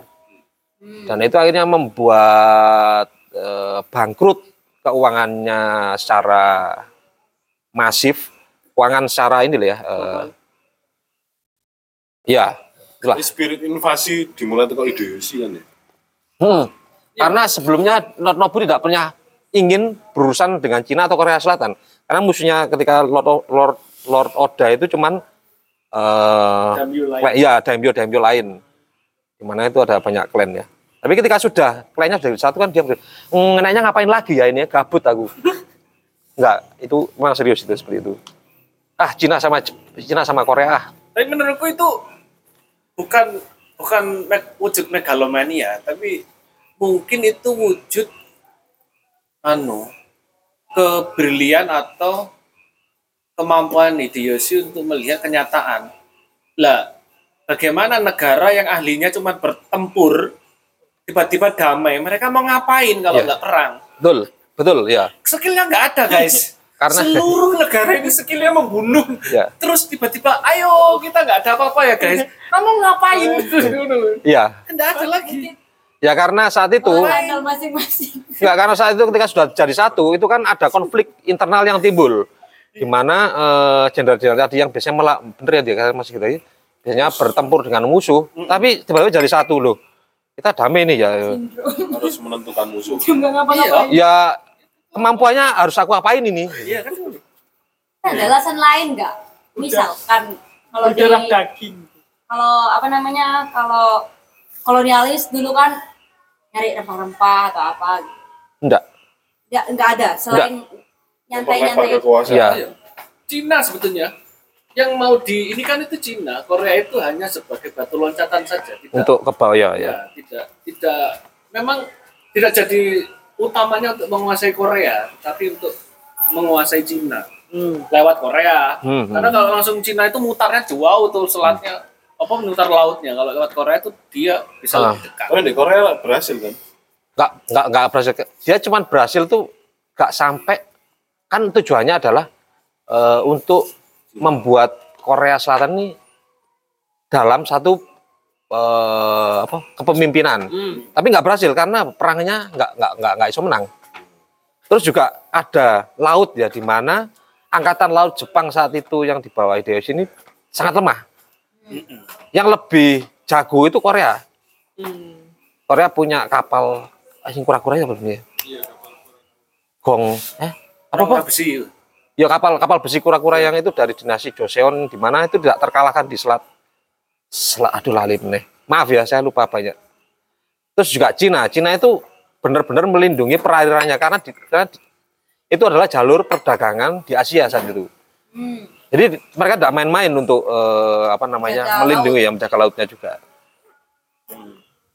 Oh, Ya. Jepang mulai invasi lapor ada ini.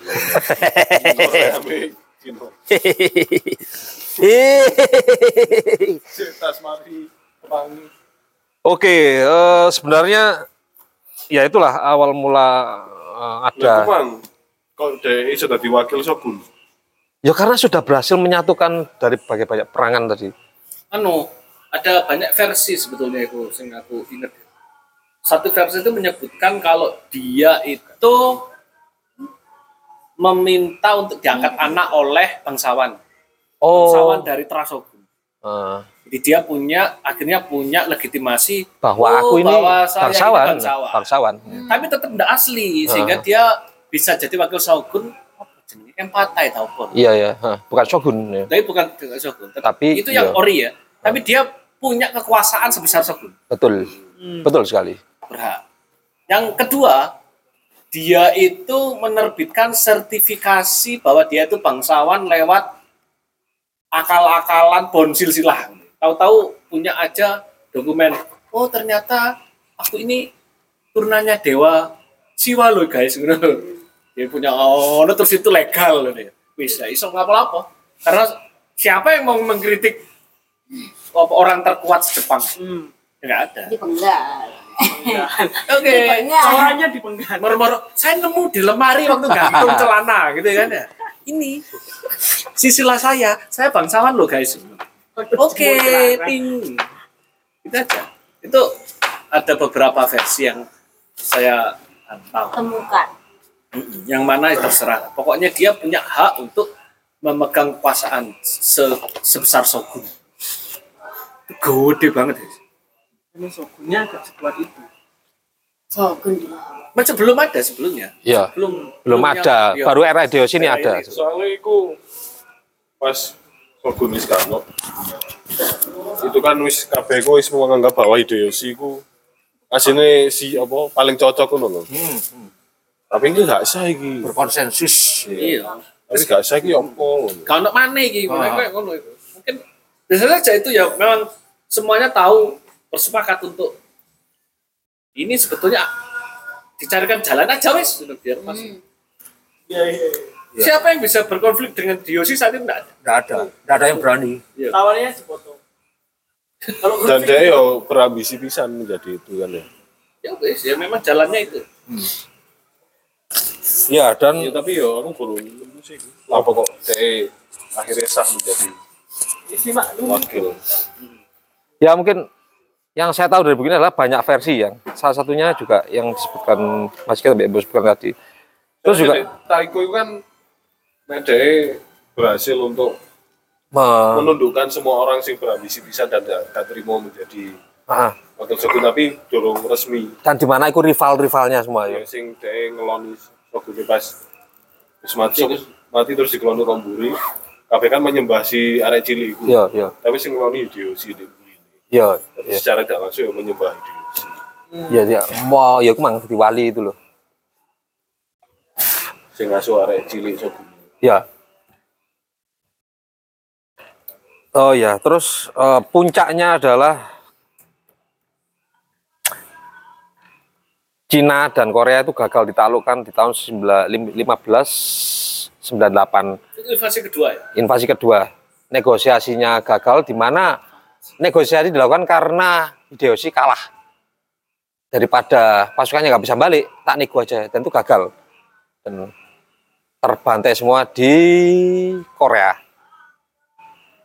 Terus dia meninggal di tahun 1560 di mana nanti akhirnya Ieyasu Tokugawa yang akan meneruskan. Umur berapa ya ya dari 1536 sampai 62 eh sorry sorry sorry. 64 berarti. Dia meninggal di usia 15 eh, 64 ini juga masih tanda tanya ya eh, karena tidak ada menemukan bukti valid bahwa Hideyoshi ini dibunuh atau dia bunuh diri atau dia depresi dan mati. Karena saat itu juga ada ada informasi dia kena serangan penyakit setelah saya kelamin? Iya. Oh ya ya setelah anaknya yang anaknya yang pertama kan mati terus dia rotok Ah. gendeng itu dari selir? Iya Iya, iya, dari iya. caca itu dari jajah oh iya iya mati terus dia gangguan Depresi, mental iya. berat apa bahkan bunuh ah, sendiri. ah, ah, ya ya Oh, iya iya iya. semua dibantai ya. Nah, setelah itu dia kesehatannya memburuk banget. Baru dua anak maneh. Dan dia wis gak mampu. Dia itu wis kadung iya. dalam posisi yang sangat terburuk mental dan fisiknya. Itu mungkin yang bikin yang bikin kegagalan salah satu jari ini yo. Ya bikin kegagalan itu karena Hideyoshi tidak dalam posisi yang sangat stabil. Karena sudah tua. Eh, tua mentalnya cakap jadi dia kayaknya telat nakal ya nggak nggak mau mohon maaf. Karena- mohon maaf. Karena di eh, orang sebesar itu terus dia mau mengalahkan Cina terus ini buat apa semuanya? Kan pewaris kan itu hilang aja ya Iya, terus itu dia menunjuk menunjuk ponakannya jadi pewarisnya tiba tiba Kor- bujat dulu iya ya dia dia punya dua sahabat. Dia ponakan itu yang jadi pewarisnya oh iya si iya. mobilnya berkuda terus Ah, ono ah. wong ono di sama Pateni Pateni saya lupa namanya itu. Ada itu. Hitsu Hide Hidetsugu nah itu di, di, dipateni Ya. dewe itu sama Ah. anu, jadi seluruh keluarganya sendiri akhirnya dibunuh sama kali. lo kabeh ku. Sa- Anak bojone seliri semua. betul betul. Soalnya kurang ajar. Ya itu men- mencacati namanya juga Yo kebutuhan karena dia sudah punya pewaris lagi, dia punya anak lagi dan itu ancaman ancaman ya terbesar. kalau kalau itu sampai kan saling sama saling mengancam Lik. kalau nggak eh, Hidetsugu juga ngomong juga secara mungkin nggak langsung bahwa ini anakmu ini juga mengancamku. Kalau kalau kalau aku bisa naik tahta kalau dia tak bunuh. Dan Hideyoshi juga berpikir sebaliknya. Ini aku kalau nggak bisa naik kalau dia masih ada. Nah itu sih kalau nggak salah. Nobunaga yang mati ini apa ini? Dibunuh oleh Mitsuhide. Sebenarnya nggak dibunuh ya. Mit, eh, Nobunaga ketika ya ketika nggak siap dia diserbu dan dipaksa untuk menyerahkan ininya apa eh Oh iya. kepemimpinannya. Terus akhirnya Nobunaga kan nggak nggak terima, "Us, aku tak sepupu daripada aku eh, Dipateni ya. dipateni ya. Saya gak siap itu aku lagi plesir aku ya. Ya, ya, ya. Di- dia bersantai di Iya. kastilnya yang sangat Oh iya, iya. tidak ada pasukan penjaga Kalau sing. ono pasukan nih. Sini kalau lagi lu Hideyoshi kan ya. Enggak, Hideyoshi enggak di situ. Aku malah lagi perang. Perang, benar, ya. Dan ketika ketika Iya, ya iya, iya, iya. Lagi lagi perang. Lagi piknik. Iya, terus dia minta bantuan kan itu. ya, ha. Guys, aku anu tolong ya. Tapi ya. kalian mati. Jancuk, guys.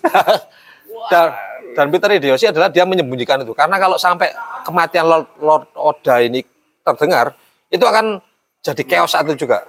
Iya ini mau gak mau harus ada yang menggantikan. Jadi akhirnya sama jenderalnya akan saling bunuh.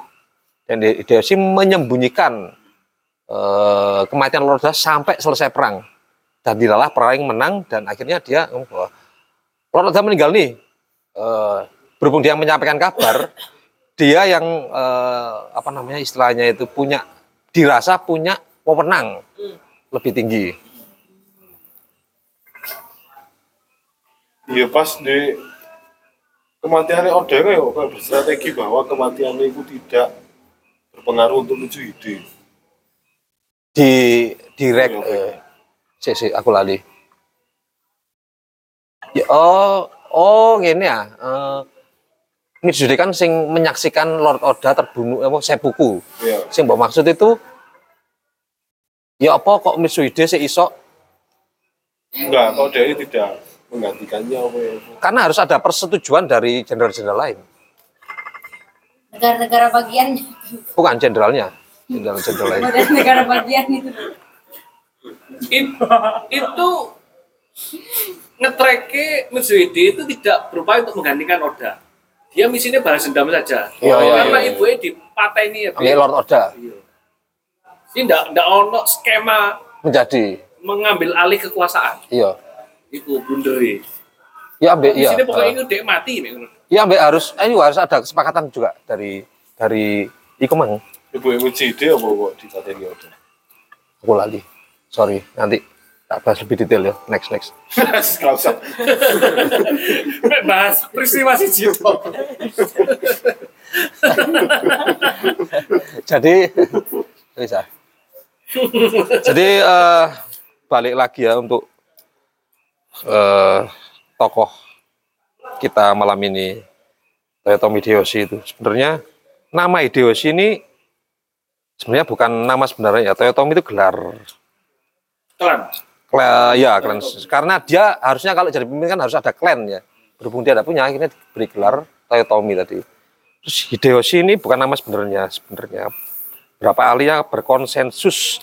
Nama sebenarnya adalah Yoshimaru. Terus ketika me- karirnya meningkat berarti ya Tokichiro. Terus Nakamura Tokichiro Kino Kinoshita Tokichiro Hashiba Chikuzeno Kami Hideyoshi dan terakhir adalah Toyotomi Hideyoshi Setala, Setala. ya namanya aslinya adalah sebenarnya adalah Hiyoshi. Yoshi. Jadi itu tadi. Taiko kan panggilan. Hei Taiko, Oh, oh cilik yes, kamu. Ya maunya. Taiko itu artinya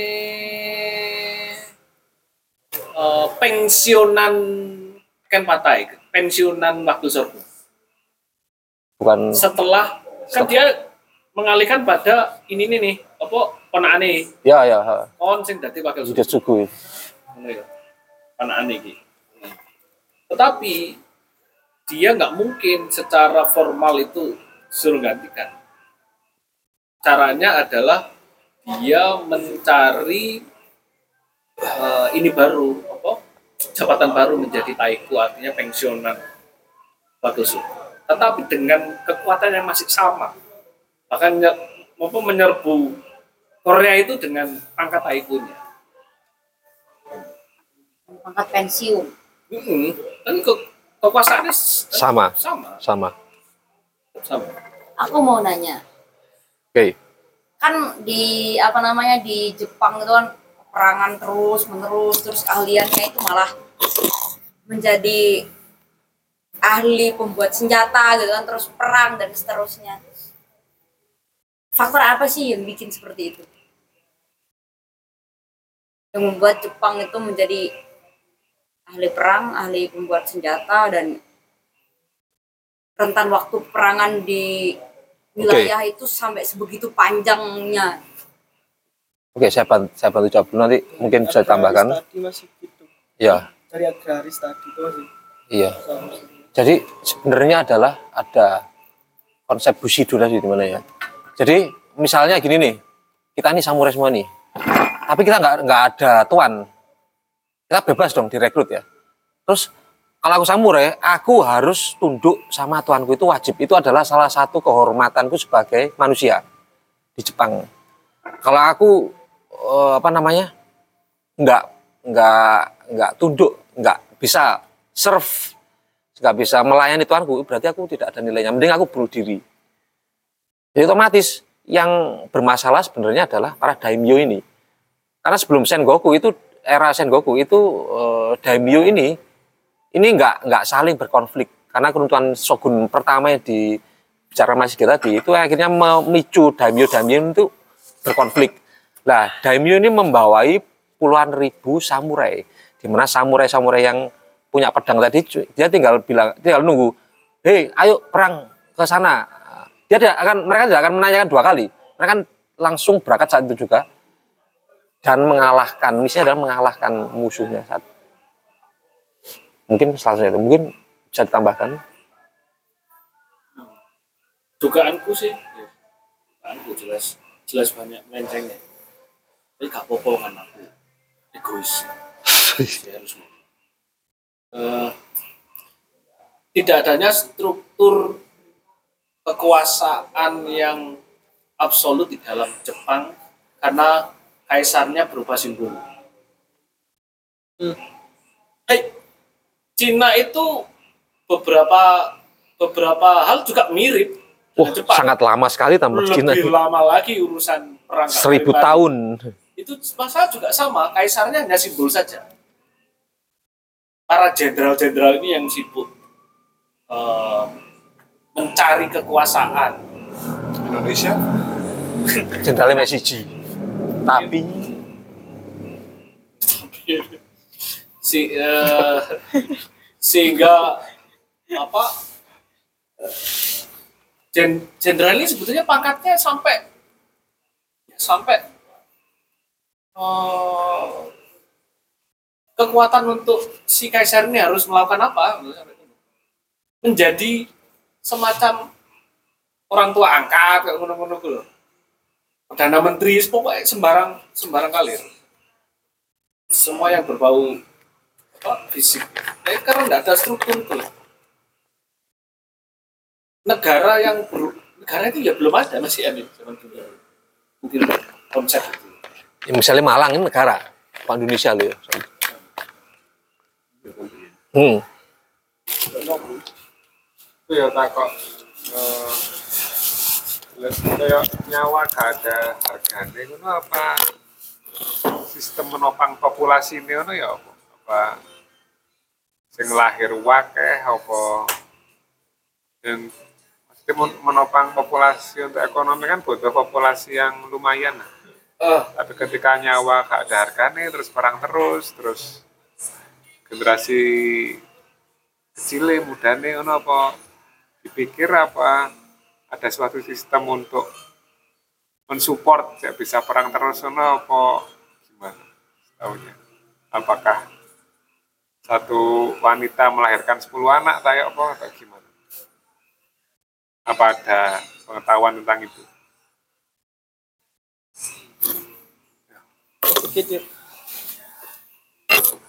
Nah saat, saat ini ego saya tidak muncul. saya saya kurang tahu ya tentang tentang populasi. Eh. Cuman yang saya tahu itu Hideyoshi inilah yang me- memunculkan kesadaran untuk berhenti berperang Hmm. wujud tapi ap- sa- sampai pada benar-benar zaman damai belum Ah, ah. zaman perang masih ya Iya, iya. sampai Ieyasu inilah yang dan dan klannya ini yang benar-benar bisa mewujudkan apa kedamaian seluruh Jepang kalau perang tapi ideologi ini yang memicu eh, hukum-hukumnya itu yang nantinya itu meminimalisir pembunuhan meminimalisir apa Perang antar klan. Uh, Iya. bahkan bahkan anu kepemilikan senjata rakyat itu juga di anu, Atur. Eh, diatur.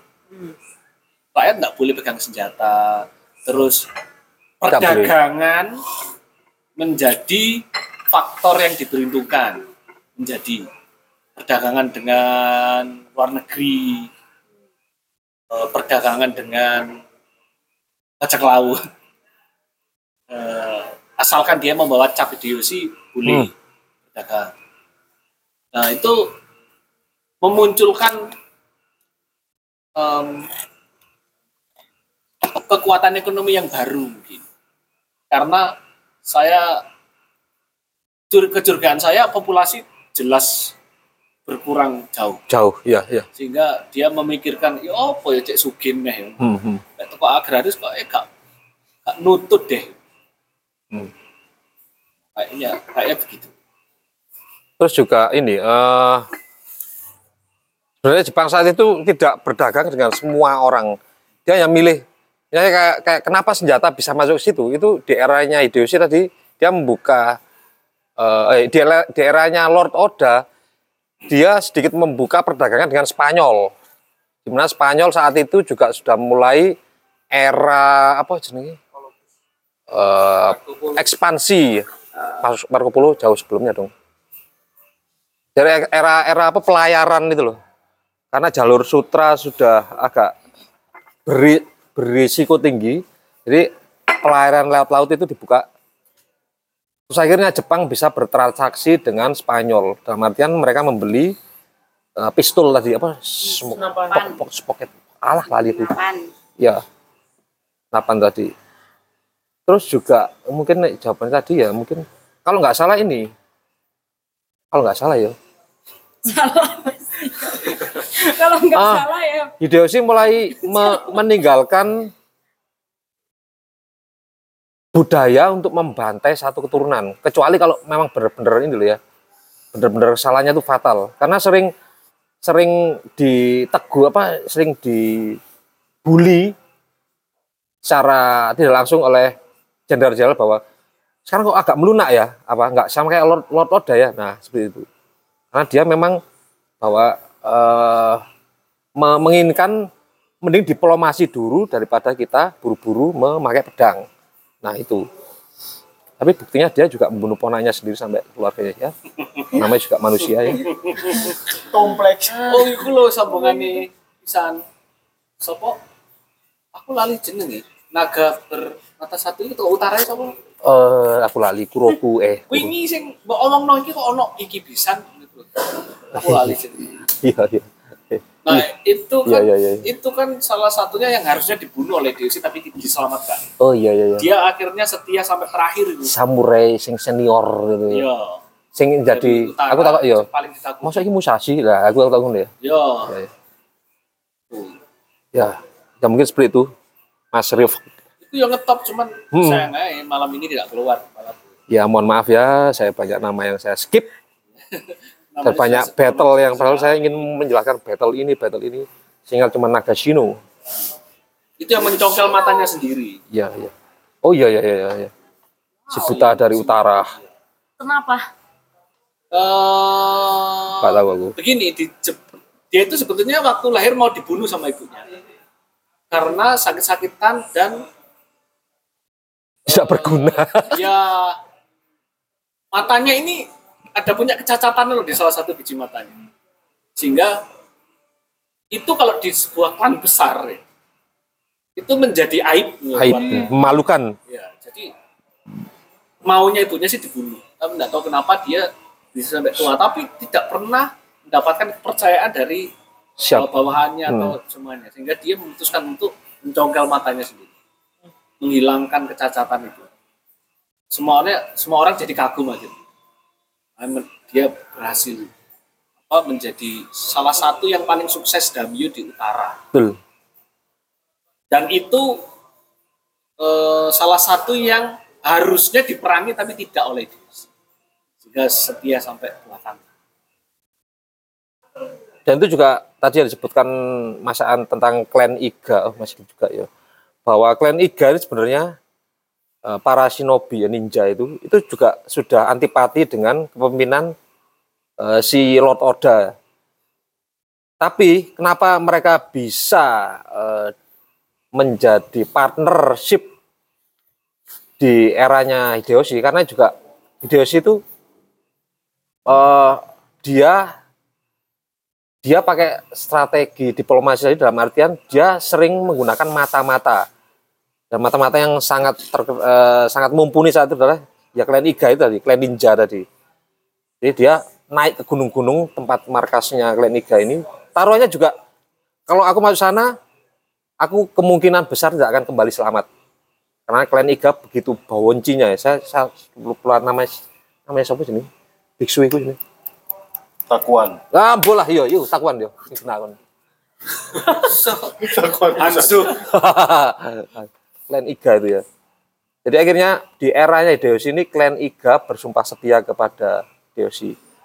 Jadi kalau sebelum eh, makanya eh, Jepang itu sangat terkenal dengan spionasenya. Bahkan ketika invasi ke Indonesia pun mereka juga memakai cara-cara yang mere- mereplika cara-cara yang dipakai oleh Hideyoshi. Kan banyak itu cerita ketika sebelum Jepang masuk itu kan banyak orang Jepang yang eh, orang gila di daerah pesisir yang bukan orang Indonesia, tapi ternyata ketika Jepang mendarat mereka eh, berubah menjadi waras dan mengangkat senjata dan pakai seragam. Nah, itulah itu adalah salah satu eh, Strategi. strategi yang dipakai Hideyoshi. itu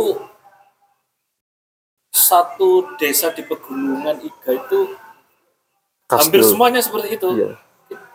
Kita masuk itu enggak tahu, Kalau- ya itu karena takutnya Oda ya. Kita enggak tahu bahwa dia itu eh, bagian dari apa ninja atau bukan. Hmm, hmm, hmm. Dari, karena pelatihannya dimulai dari kecil sekali. Pelatihan jadi Ninja, itu shinobi. dari dan itu pria wanita ikut semua bahkan yang paling sukses itu malah wanita yang berhasil membunuh Damyu malah wanita. Itu Kenapa sang- si ninja itu musuhan?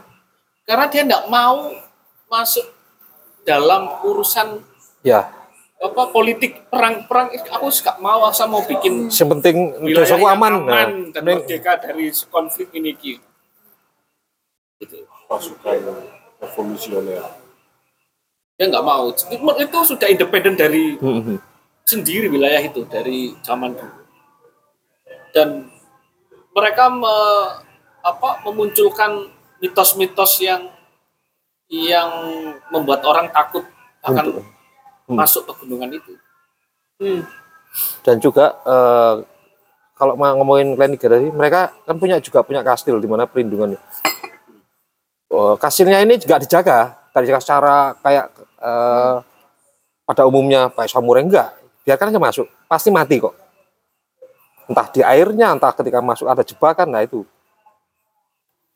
mereka itu sangat ahli. sangat ahli di seluruh Jepang pada eh, ilmu ilmu apa eh, led- senjata ledak sama racun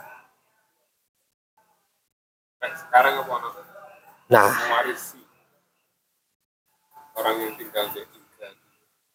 aku gak ya tapi like di YouTube YouTube iya iya. Belum. Nah, pengakuan itu ada misalnya eh, pelatihan tradisional Ah. itu itu mas kayak seperti Shaolin cuman Shaolin kan dilembagakan Heeh. Dek. dilembagakan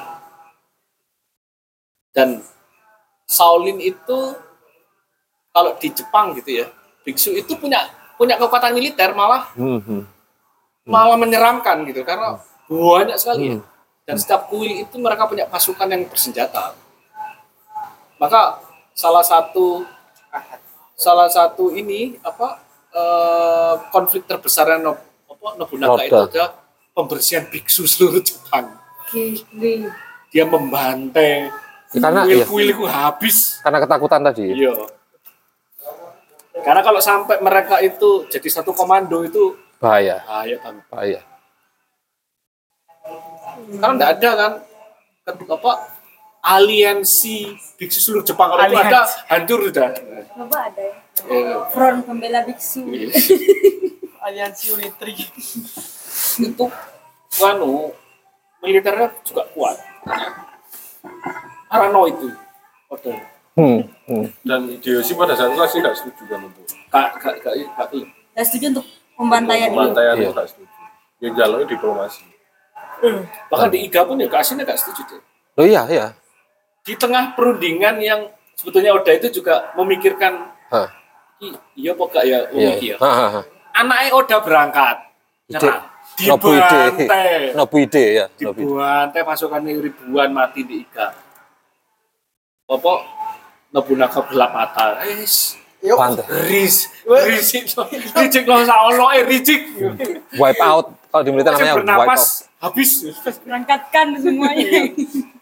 Saya saya ikan-ikannya berangkat. Kalau di militer namanya sapu bersih. jadi itu gunung itu diserang dari beberapa sudut gitu Pendilah, ya selamat. Yang mungkin luas dan itu terkenal anu apa eh, pe- apa hutannya lebat banget loh Hmm. dan jebakannya itu Luar biasa. Terus dirancang untuk orang nggak bisa Keluar. nggak bisa mengidentifikasi bahwa ini jebakan atau tidak selain orang lokal